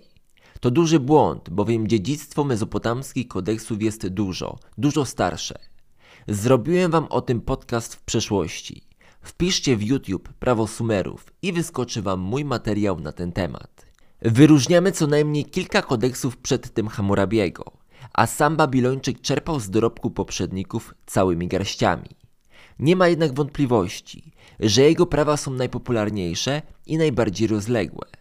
Postanowiłem, że w niniejszym filmie przedstawię Wam w kilka, kilkanaście minut najważniejsze informacje dotyczące kodeksu, jednak to stanowczo za mało na tak rozległy wątek. Dobra wiadomość jest taka, że na premierę, która będzie miała miejsce dokładnie za tydzień, czeka już osobny podcast o kodeksie Hammurabiego. Osobiście uważam, że materiał ten to top 3, jakie napisałem w całej mojej historii pracy nad historycznym topem. Trwać on będzie około 60 minut i znacznie rozszerzy wątek, także zapraszam serdecznie. Wydaje mi się, że większość ludzi choć raz usłyszała w swoim życiu powiedzenie oko za oko, ząb za ząb. To popularne hasło kojarzone jest oczywiście z kodeksem Hammurabiego, ale także z Biblią hebrajską, na którą według niektórych historyków kodeks wywarł znaczny wpływ. Czy faktycznie każde przestępstwo karano w Babilonie w taki sposób, jaką postać przybierał zabroniony czyn? Czy kodeks Hammurabiego w ogóle był kodeksem? Skąd tak wielka popularność akurat tego aktu? Dlaczego reliefowy portret Hammurabiego znajduje się dziś na Kapitolu wśród innych postaci, które wywarły fundamentalny wpływ na rozwój prawa w historii? To tylko niektóre z pytań, jakie padają w kontekście słynnego zbioru praw z XVIII wieku przed naszą erą. Po pierwsze i najważniejsze, nie próbujmy definiować dzieła Hammurabiego na modły naszych czasów i naszym rozumieniem słowa kodeks. Rozwój prawodawstwa przez ostatnie prawie 4000 lat przeszedł znaczną ewolucję i nie do końca właściwe jest nakładać obecne definicje prawne na zbiory praw z przeszłości. Do sprawy należy podejść w taki sposób, w jaki podchodzili do niej Babilończycy w XVIII wieku przed naszą erą. Właściwym pytaniem jest zatem, czym kodeks Hammurabiego, nazwany tak przez nas, był dla starożytnych Babilończyków? Odpowiedź na to pytanie nie należy do najprostszych. Debata w tym temacie trwa od lat, a ja podsumuję najważniejsze tropy i teorie. Kodeks Hammurabiego zawiera według tradycyjnego rozróżnienia 282 wyroki, paragrafy czy też artykuły, w zależności od terminologii. Jest to znaczna liczba różnych od siebie zapisów, które wyryto na jednej steli. Absolutna większość z nich przybiera postać. Jeśli A, to B. Czyli jeśli obywatel popełnił A, czyli przestępstwo, to spotka go B, czyli kara. Odpowiadając na pytanie, czym był zbiór Babilończyka, warto sięgnąć do książki Marka Stępnia pod tytułem Kodeks Hammurabiego. Tym właśnie był Kodeks Hammurabiego. Zbiorem orzeczeń sądowych, wyroków i rozporządzeń, wydanych przez króla w ciągu całego, prawie 43-letniego panowania, spisanym na polecenie starzejącego się już władcy na niecałe 3 lata przed śmiercią. Sam Hammurabi w epilogu zaznaczył, że przepisy to denat misarim, czyli wyroki sprawiedliwości. I to należy podkreślić. Słowo wyroki. W monteskiuszowym podziale władzy, który zdominował myśl polityczną naszych czasów, przynajmniej w Europie i w Ameryce, istnieje rozróżnienie między władzą sądowniczą, z natury, a przynajmniej z teorii niezawisłą, a władzą, która prawo stanowi. Niezawisły sędzia wydaje wyrok bazując na ustanowionym przez ustawodawców prawie, stając się niejako ustami ustawy.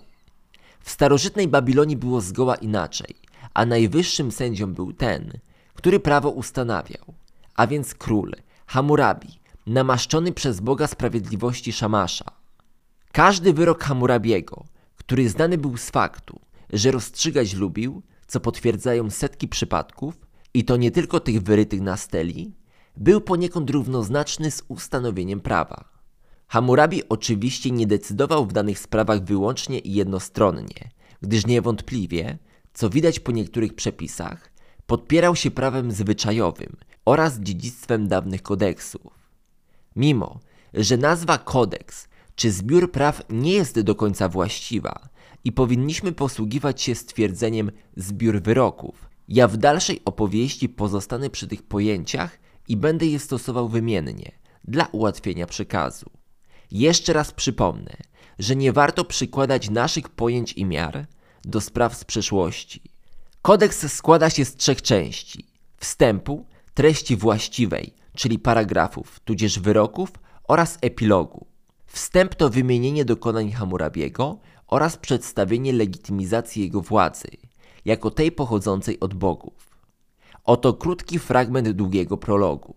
Gdy wzniosły Anu, król Anunaków i Enlil, pan nieba i ziemi, wyznaczający losy kraju, Mardukowi, synowi pierwotnemu boga Ea, najwyższą władzę nad wszystkimi ludźmi przyznali i pośród bóstw i gigi uczynili go największym, gdy Babilon imieniem jego wzniosłym nazwali i w czterech stronach świata uczynili go panującym i we wnętrzu jego królestwo wieczne, którego podstawy jak niebo i ziemia są ugruntowane, trwale ustanowili.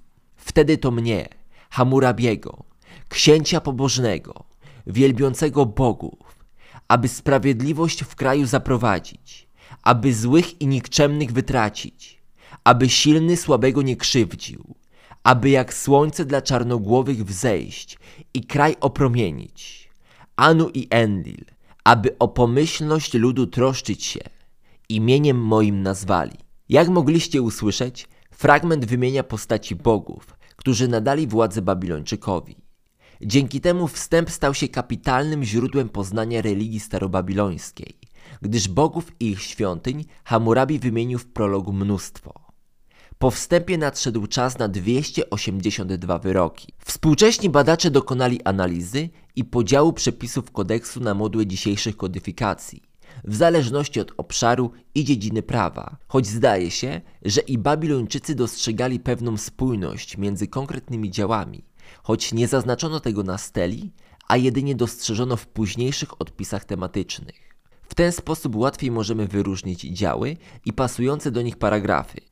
I tak, kodeks opisywał między innymi przypadki fałszywych świadectw i osądów, wykroczenia przeciwko własności, czyli włamania, rabunki, kwestie związane z nieruchomościami i irygacją, sprawy porozumień finansowych, czyli kredyty, ugody, warunki niewoli za długi, sprawy powiązane z kobietami, a mowa tu o takich wątkach jak rozwód, cudzołóstwo, konkubinat czy kazirodztwo. Wiele miejsca poświęcono małżeństwom, własności rodzinnej i dziedziczeniu. Poruszono kwestie napaści, opłat rzemieślniczych i odpowiedzialności za błędy zawodowe, np. lekarzy i weterynarzy, ale także murarzy. Uregulowano sprawy powiązane z rolnictwem, określono stawki za wynajem zwierząt czy kwestie własności niewolników. To tylko niektóre z kategorii spraw, jakich orzeczenia możemy znaleźć na steli. Ja wybrałem kilkadziesiąt interesujących artykułów, które Wam przeczytam i co mniej zrozumiałe, opatrzę komentarzem. Więcej wyroków przeczytam i objaśnię w osobnym podcaście, który raz jeszcze dodam, będzie naprawdę ciekawy i ukaże się już za tydzień. Zaczyna się bardzo brutalnie. Posłuchajcie. Jeśli obywatel obywatela oskarżył i morderstwo mu zarzucił, a nie udowodnił mu tego, oskarżyciel jego zostanie zabity. Jak widać, w Mezopotamii istotną wagę przywiązywano do oszczerstw rzucanych na oślep. Zarzut morderstwa bez udowodnienia go sprawiał, że oskarżyciel tracił życie. Zwróćcie uwagę na zwrot obywatel obywatela. Avilum oskarża innego avilum. W zależności od klasy społecznej i różnic, inne wyroki przewidziano za to samo przestępstwo. To bardzo ważne, aby zrozumieć, że zasada oko za oko nie dotyczyła wszystkich sytuacji.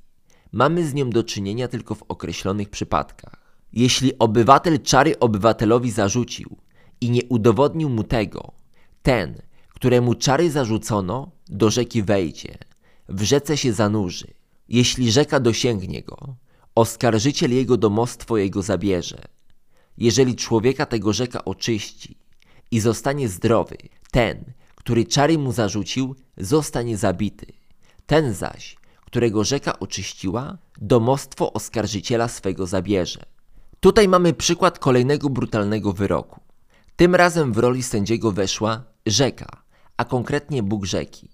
Ordalia rzeczne były sposobem na udowodnienie, czy ktoś jest winny, czy nie. Jeżeli ten, którego wrzucano do rzeki podołał zadaniu, zmazywał swą winę, albo mówiąc ściślej, udowadniał niewinność. Jeśli nie, W tym akurat przypadku tracił życie. Jeśli obywatel podczas rozprawy sądowej z fałszywym świadectwem wystąpił, oświadczenia swojego nie udowodnił, to jeżeli rozprawa ta była sprawą gardłową, człowiek ten zostanie zabity. Jeżeli ze świadectwem dotyczącym zboża lub srebra wystąpił, karę rozprawy tej w całości poniesie. Tutaj mamy dwa wyroki, tudzież artykuły, które ustanawiają sankcje za fałszywe świadectwo.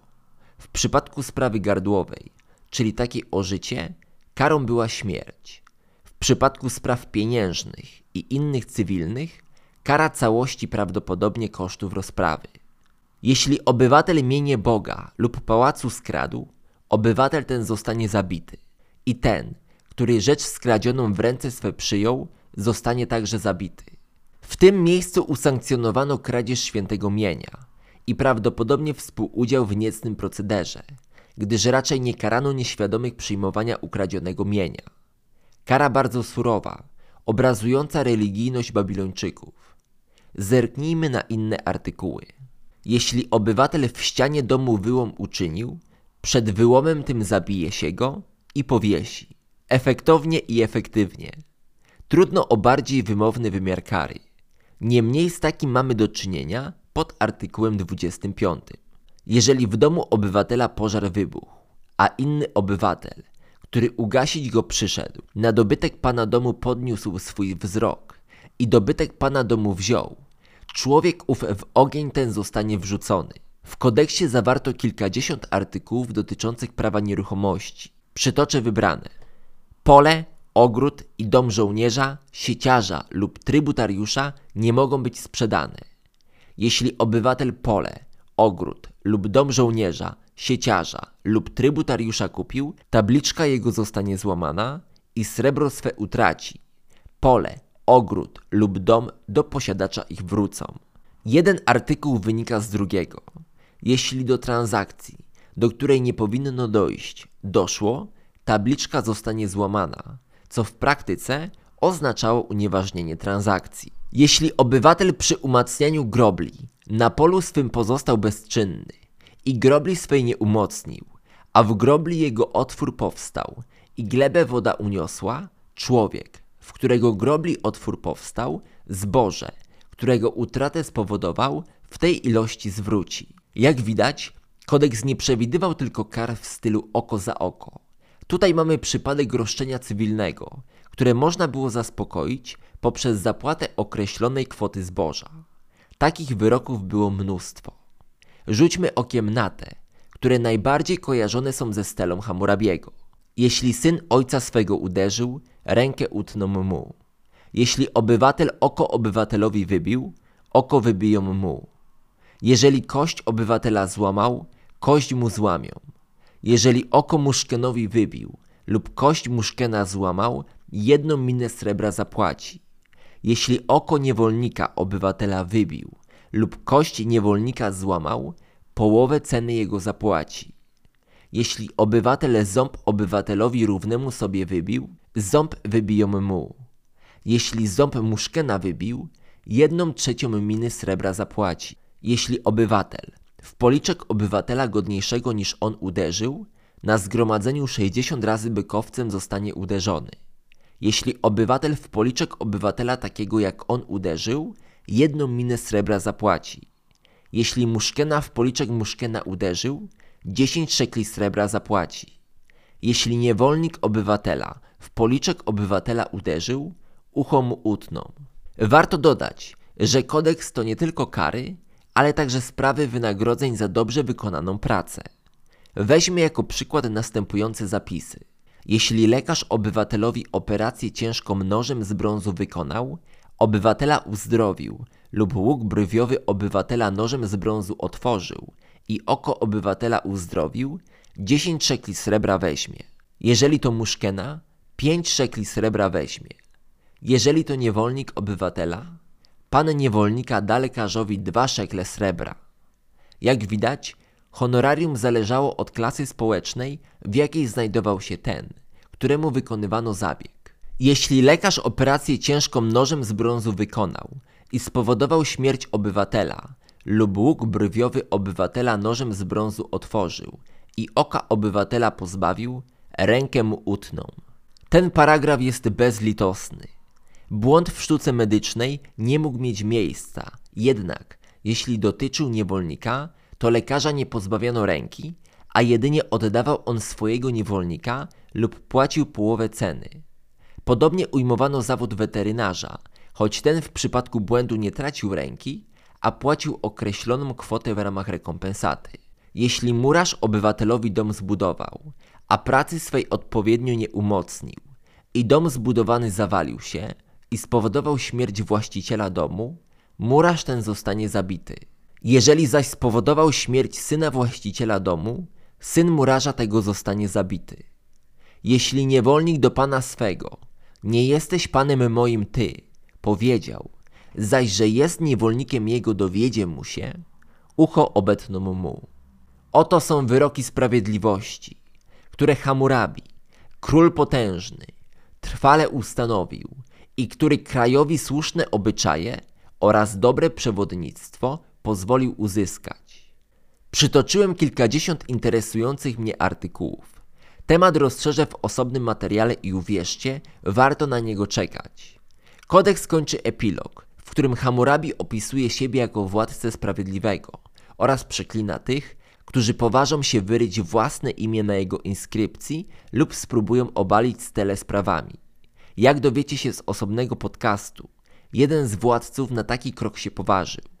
Niezwykle długie przekleństwo, którego fragmenty przytoczę za tydzień, to nie tylko tekst prawny, ale także piękne i wyjątkowe dzieło literackie. Po analizie zawartości steli z tekstem kodeksu Hammurabiego łatwo stwierdzić, że powstał on po 38 roku panowania Babilończyka. Wspomina on bowiem miasta, które weszły w zasięg jego królestwa właśnie po wspomnianym roku. Monument wzniesiono zatem w czasie ostatnich czterech lat panowania człowieka z Babilonu, a tekst wyraźnie wyraża poczucie spełnienia Hammurabiego jako króla sprawiedliwości. Najbardziej prawdopodobny wydaje się 39 bądź 40 rok rządów króla Sumeru i Akadu, a więc 1751 rok przed naszą erą. Mowa tutaj o tej steli, którą dysponujemy, gdyż istnieje teoria, że poszczególne kopie kodeksu powstawały w różnym czasie i że zbiór praw, tudzież wyroków, był po prostu uaktualniany. Wydanie steli po czterech dekadach rządów miało spełnić zapewne kilka funkcji, do których należą między innymi chęć podkreślenia roli Hammurabiego jako sprawiedliwego sędziego, podparcie znaczenia rządów i przekazanie dziedzictwa dalszym pokoleniom, czy uregulowanie spraw orzecznictwa według jednego wzoru. Wszak tym był kodeks Hammurabiego, zbiorem wyroków w ściśle określonych sprawach, na które w razie potrzeby mogli powoływać się i podejrzani, i sędziowie w danej sprawie. W końcu trudno podważać słowo króla, namaszczonego przez bogów Anunnaki, którzy nadali mu władzę, aby ten zaprowadził na ziemi sprawiedliwość i prawo. Trudno jednoznacznie odpowiedzieć na pytanie, jak długo stosowano kodeks po śmierci Babilończyka. Prawdopodobnie zerkali na niego jego następcy, ale jak długo, tego nie wiemy. Wiemy za to, że kodeks służył w kolejnych stuleciach jako swoisty podręcznik do prawa, kopiowany przez skrybów i prawników na tabliczkach, których do dziś przetrwało co najmniej kilkadziesiąt. Duża w tym zasługa władcy Asyrii Ashurbanipala, który w VII wieku przed naszą erą umieścił w swojej słynnej bibliotece kopię kodeksu, który został stworzony tysiąc lat przed Ashurbanipalem. Kopie i odpisy wykonywano do V wieku przed naszą erą. Fakt ten obrazuje, jak wielką wagę przykładano w Mezopotamii do historii oraz do ciągłości kulturowej i historycznej. Kodeks Hammurabiego nie bez powodu uważa się za jeden z najważniejszych w historii świata. I tutaj możemy upatrywać powodu, dla którego relief z Hammurabim umieszczono na Kapitolu i w wielu innych miejscach na całym świecie. Wydaje się także, że jest jeszcze jeden powód, o którym możemy zapomnieć, przyzwyczajeni niestety do nieco innego standardu i definicji polityka. Wydaje się bowiem, że Hammurabi był po prostu sprawiedliwym i prawym władcą. Korespondencja jego ludzi, wydawane przez niego wyroki, i to nie tylko te na steli, są nam przecież znane. Z nich bije wręcz postać króla jako tego, który niezwykłą wagę przykładał do sprawiedliwości i prawego osądu. Hammurabi mógł być po prostu najzwyczajniej na świecie, władcą sprawiedliwym, godnym naśladowania, wzorem dla późniejszych królów najróżniejszych mezopotamskich państw. W tym upatrujmy znaczenia kodeksu dla późniejszych pokoleń. Do tematu kodeksu Hammurabiego wrócę za tydzień, bowiem skrywa on mnóstwo tajemnic, o których nie zdążyłem w tym krótkim fragmencie opowiedzieć.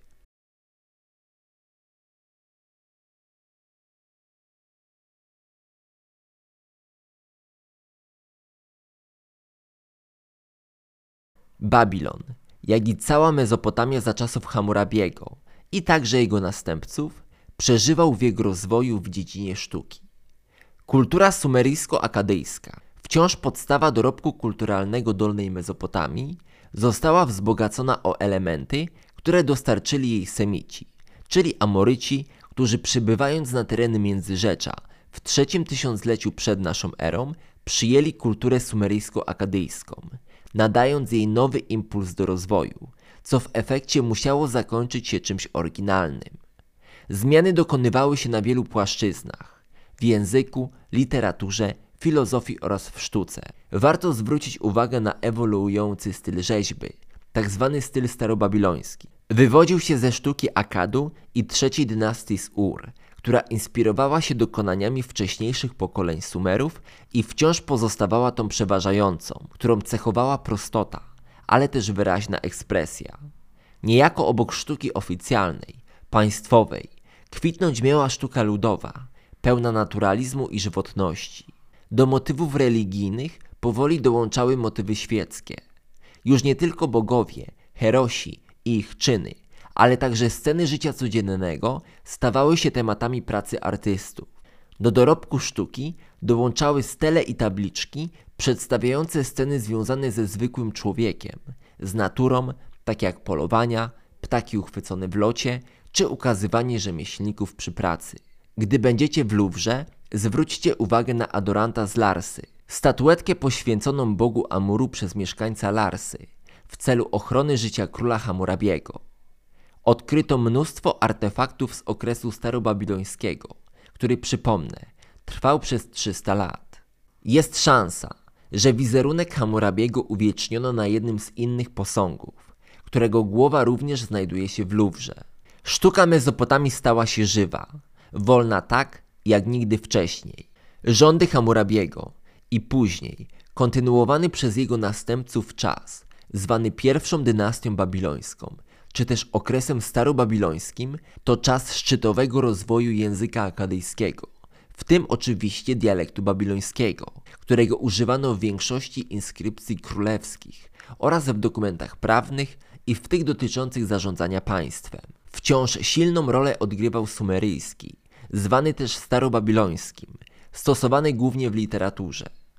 Plemiona amoryckie posługiwały się zapewne swoimi amoryckimi dialektami, niewątpliwie przejmując wszechobecną kulturę sumeryjsko-akadyjską, czy też już od XVIII wieku przed naszą erą, zwaną inaczej babilońską.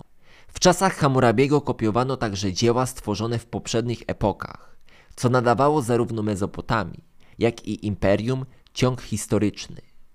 To wtedy przepisano choćby mity o Gilgameszu, czy legendę o Etanie i Anzu, boskim ptaku, który ukradł bogu Enlilowi tabliczki przeznaczenia. Z przepisywanych legend często powstały nowe dzieła, w które wsiąkał duch semicki. Co znamienne, rozwój następował nie tylko w sztuce, ale również w nauce.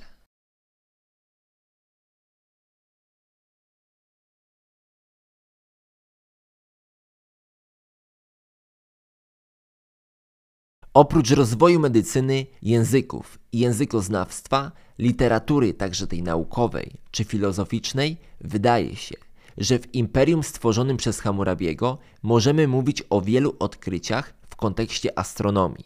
Bogiem tejże mógł być Szamasz, który powiązany z wróżbiarstwem uznawany był przede wszystkim za Boga Słońca i Sprawiedliwości. O żywym zainteresowaniu astronomią możemy mówić na przykładzie dwóch tekstów. Jeden z nich pochodzi z czasów panowania Samsuditany, ostatniego króla starego Imperium Babilonu. Rzeczony tekst opowiadał historię bliźniaczego zaćmienia Słońca. Badacze twierdzą, że zaćmienie to jest kluczowe dla określenia poprawnej chronologii babilońskiej. Zaćmienie Księżyca i Słońca miało wydarzyć się rzekomo w miesiącu Shimanu, a konkretnie, jak rzekomo wyliczono, 9 lutego 1659 roku przed naszą erą. Innym źródłem w temacie są tak zwane tablice Wenus Amisaduka, których wiele starożytnych wersji przetrwało do dziś. Istnieje możliwość, że spisane tablice przedstawiają 21-letni okres szczegółowych obserwacji planety Wenus, który może, ale nie musi, pokrywać się z panowaniem króla Amisaduka, przedostatniego króla Babilonu. Współczesne obliczenia szacują upadek Babilonu na rok 1659 przed naszą erą, co jest oparte na statystycznym prawdopodobieństwie obserwacji planety. Są to jednak obliczenia niepewne, jednak gdyby były pewne, zaburzyłyby nieco znaną nam chronologię epoki starobabilońskiej. Wątek astronomii traktujcie w tym materiale z przymrużeniem oka, bowiem wiele z tych informacji nie mogłem zweryfikować. Niemniej odkryte tabliczki pokazują, że zainteresowanie astronomią w państwie Hammurabiego i jego następców po prostu istniało i jest możliwe, że poczynili oni pewne odkrycia w tym temacie.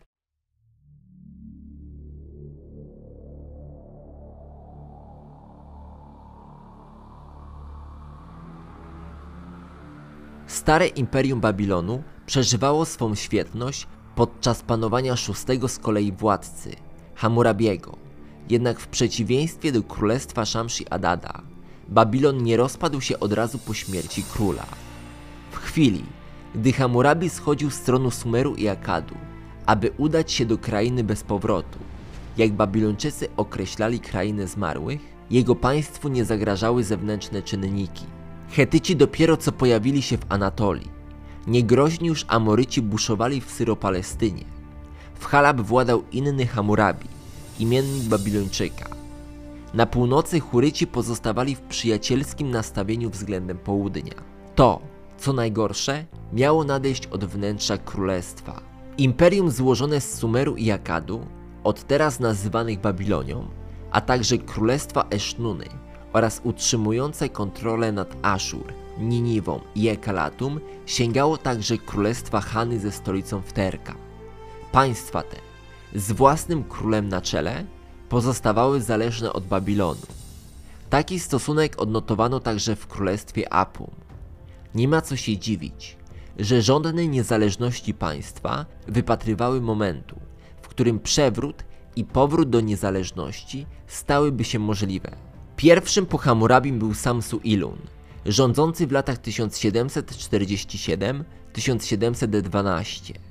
Spotkał się on ze znacznymi niepokojami wewnątrz państwa. W zasadzie jego panowanie upłynęło pod znakiem gaszenia pożarów w postaci buntów ludów podbitych ziem.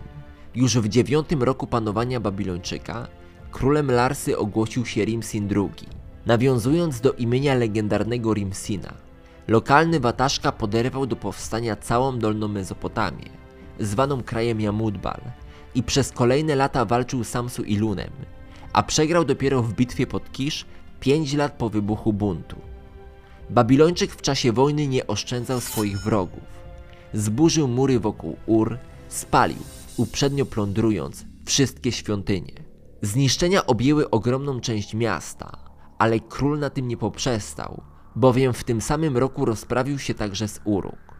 Atak na Uruk i problemy Samsu i Luna w Dolnej Mezopotamii ośmieliły Elamitów, którzy wjechali do Uruk i zabrali stamtąd niezwykle cenny posąg Inany, który powrócił do Mezopotamii dopiero tysiąc lat później za sprawą Ashurbanipala.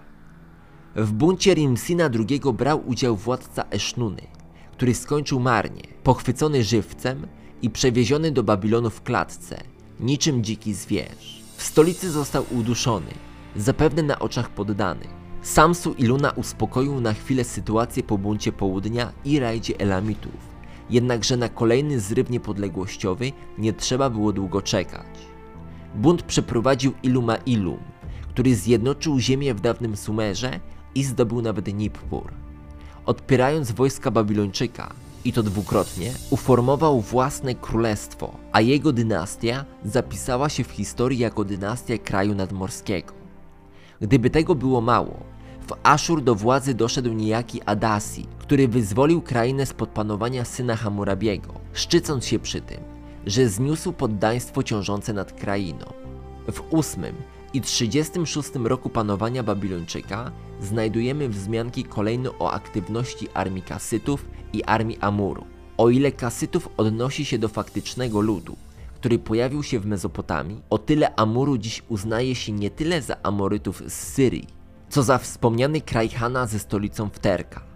W ten sposób następca Hammurabiego, mimo stawiania zaciekłego oporu, utracił niemalże wszystko to, co zdobył jego ojciec. W zasięgu Babilonu pozostał tylko Akkad, czyli pierwotna kraina, wraz z Esznuną i możliwe, że część terytoriów na północy. Kolejni władcy nie są najlepiej poświadczeni. Rządzący w latach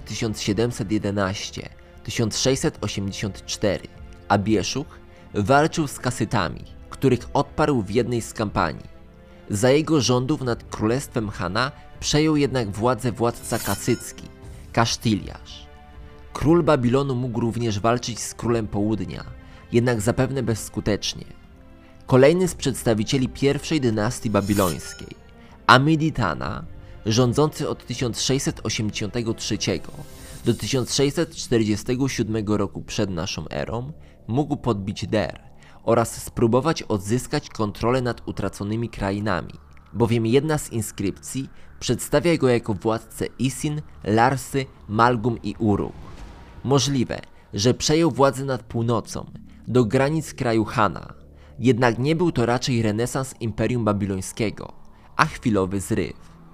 Za panowania króla sytuacja ekonomiczna kraju była jednak fatalna, a władca próbował stosować podobne manewry co Hammurabi. Umorzył długi dla wszystkich poddanych, zmniejszył podatki, a niektórym nawet je anulował. Co ciekawe, zniósł ponoć niewolę za długi, a komorników niewykonujących jego nakazów skazywał na śmierć. Widać, że władca chciał nawiązać do tradycji babilońskich za najlepszych czasów. Kolejny i zarazem ostatni z następców Hammurabiego nosił imię Samsuditan. Próbował on wskrzesić gospodarkę, toczył wojny, jednak nie na wiele się to zdało. Co najgorsze dla Babilonu, miało jednak dopiero nadejść. Od początków XVII wieku przed naszą erą, na północny zachód od Babilonu rosło w siłę państwo, które historia nazwie Imperium Hetytów. Założone przez księcia Labarnasa I, w krótkim czasie rozwinęło się w wielkie królestwo, podbijając ziemię nie tylko w Anatolii, ale także na Bliskim Wschodzie. Kolejny z władców hetyckich, niejaki Mursilis I, rządzący w latach 1620-1590 przed naszą erą, wkroczył na czele armii do Mezopotamii. Jedna z kronik babilońskich tak odnotowała to wydarzenie. W czasach Samsuditany lud Hatti wystąpił przeciwko krajowi Akkad. Jeżeli uzupełnimy tę powściągliwą kronikę jedną ze wzmianek hetyckich, to rzuci ona inne światło na to wydarzenie. Posłuchajcie. Potem poszedł Mursilis na Babilonie, zniszczył Babilon, zwyciężył Hurytów, a jeńców i zdobyczne skarby babilońskie przywiózł do Hatusa. Kolejna kronika tak opisuje historię Hetytów. W dawnych czasach państwo Hatti z pomocą bogini słońca Ariny zwykło pożerać sąsiednie kraje niczym lew. Z podbitych i zniszczonych miast, jak Halpa i Babilon, pokonanych krajów czerpało bogactwa w złocie i srebrze, a swoich bogów stawiało przed boginią słońca Iriną. Imperium Starobabilońskie trwało do 1595 roku przed naszą erą, choć możecie spotkać też inne daty, w zależności od przyjętej chronologii. Upadło pod naciskiem Hetytów. Miasto zostało zdobyte i splądrowane, jednak przetrwało jako ośrodek. Jak wiemy, Mursilis I nie włączył Babilonii ani ziem Mezopotamii do hetyckiego imperium. Możliwe, że król odszedł bez słowa, a możliwe, że pozostając w rzekomym przymierzu z kasytami, przekazał im władzę, która kasytom się spodobała. Pierwsza dynastia babilońska, znana przede wszystkim jako dynastia Hammurabiego, mimo że nie on ją założył, przetrwała niemalże równo 300 lat. Od 1894 do 1595 roku przed naszą erą. Później w mieście rządy zaprowadzili Kasyci, pozostając w Mezopotamii przez 400 lat. Jak pokazała przyszłość, dominacja Hetytów oraz Kasytów była przejściowa, a Babilon i jako ośrodek, i jako imperium miał się jeszcze odrodzić, i to w dużo większej skali niż zarządów Hammurabiego. Jest to jednak temat na zupełnie inną opowieść.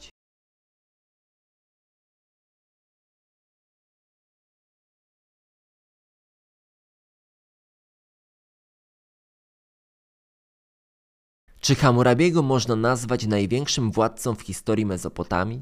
To bardzo ciężkie pytanie. I moim zdaniem siłą rzeczy takie zestawienia nie są do końca możliwe. Każdy z władców, których my nazywamy wielkimi, żył w określonych realiach i okolicznościach. Każdy miał przed sobą inne wyzwania i innym problemom musiał stawić czoła. Materiał archeologiczny ukazuje Hammurabiego jako kluczową postać w historii Środkowego Wschodu, ale także w historii świata. Jako zdobywca, być może nieco przypadkowy, sprawdził się jednak wyśmienicie i choć jego imperium nie przetrwało próby czasu, to Babilończyk na zawsze zmienił obraz Środkowego Wschodu. Od teraz dużo większą rolę zaczną pełnić państwa terytorialne, a nie tylko miasta państwa. Choć imperia powstawały w Mezopotamii już wcześniej, przed Hammurabim, to XVIII wiek przed naszą erą uznaje się za przełomowy w tej ewolucji. Przetrwałe inskrypcje pokazały także, że oprócz podbojów, Hammurabi znał się na administrowaniu państwem. Liczne budowle sakralne, świeckie, kanały irygacyjne oraz wszelkie inne kwestie powiązane z szeroko pojętym zarządzaniem stanowiły dla niego niezwykle istotną część rządu. Wydaje się, że na tym polu osiągnął absolutne mistrzostwo. Podobnie poszło mu w kwestii stanowienia prawa. Hammurabi osobiście wydawał wyroki. Przyglądał się nawet najdrobniejszym sprawom, które zaprzątały głowy jego poddanych. Dbał o to, aby werdykty wydawano sprawiedliwie, a gdy kogoś spotkała niesprawiedliwość, ten mógł zwrócić się bezpośrednio do króla, który delegował urzędników do śledztwa lub rozwiązania sprawy. Wynika to wprost z przetrwałej korespondencji. Ciężko o lepsze świadectwa wielkości władcy. Niejako wisienką na torcie jest stela z kodeksem, jego świadectwo jako króla sprawiedliwości. Warto przy tym pamiętać, że zarówno kodeks, jak i cała postać Hammurabiego to także wiele tajemnic. Z całą pewnością nie wiemy o człowieku z Babilonu tyle, ile byśmy chcieli. Ciężko jednoznacznie ocenić jego podboje, ich okoliczności czy faktyczną konkurencję. Nie znamy życiorysów innych władców z jego okresu na tyle, by móc skutecznie zestawić je z życiem Babilończyka. Nie wiemy, czy tak naprawdę nie przeceniamy jego osiągnięć. Jednak to, co wyłania się z mgły przeszłości, pozwala nam uznać go za wielkiego. Wydaje się, że mamy prawo powiedzieć, że Hammurabi był jednym z największych władców w historii Mezopotamii. Jestem ciekaw, co wy sądzicie na ten temat. Jakie jest wasze zdanie? Napiszcie w komentarzach.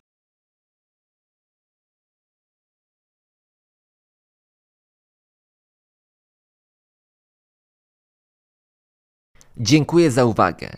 To był wyjątkowy film, który przygotowywałem bardzo długo. O Hammurabim mógłbym mówić jeszcze dłużej, bowiem materiału, który przetrwał, jest sporo. Znacznie więcej niż podań o innych władcach z tego okresu. Za tydzień omówię dokładnie wątek kodeksu Hammurabiego, także zapraszam serdecznie. Będzie to nie film, a podcast. Odczytam fragmenty prologu oraz zacytuję fragmenty epilogu, który był rozbudowaną klątwą przeciwko wszystkim, którzy podniosą rękę na stele. Omówię także kilkadziesiąt dodatkowych artykułów, na które w tym materiale nie starczyło po prostu czasu. Dziękuję wszystkim patronom za wspieranie kanału. Stworzenie tego materiału zajęło mi kilkadziesiąt godzin i to bliżej stu niż dziesięciu. Jeżeli są tutaj osoby, które cenią to, co robię i chciałyby wesprzeć mój projekt, zapraszam do dołączenia do grona patronów. Link do mojego Patronite znajduje się w opisie. Koniecznie zajrzyjcie tam, bowiem jakiś czas temu zaktualizowałem progi. Wspierać mój projekt możecie już od 5 zł. W zależności od kwoty wsparcia zyskujecie różne tytuły oraz bonusy. I tak między innymi możecie stać się uczestnikiem wiecu, sołtysem, możnowładcą, księciem lub królem. Osobiście uważam także, że bonusy, które przygotowałem dla patronów, wydają się być bardzo ciekawe i naprawdę możecie nie tylko wspierać mój projekt, ale także zyskać coś dla siebie. Dziękuję wszystkim mecenasom, których imiona wymieniam w opisie. Jeżeli nie możecie sobie pozwolić na wsparcie, łapka, komentarz dla statystyk i subskrypcja bardzo mi pomogą. Z góry dziękuję za uwagę. Do usłyszenia niebawem. Trzymajcie się.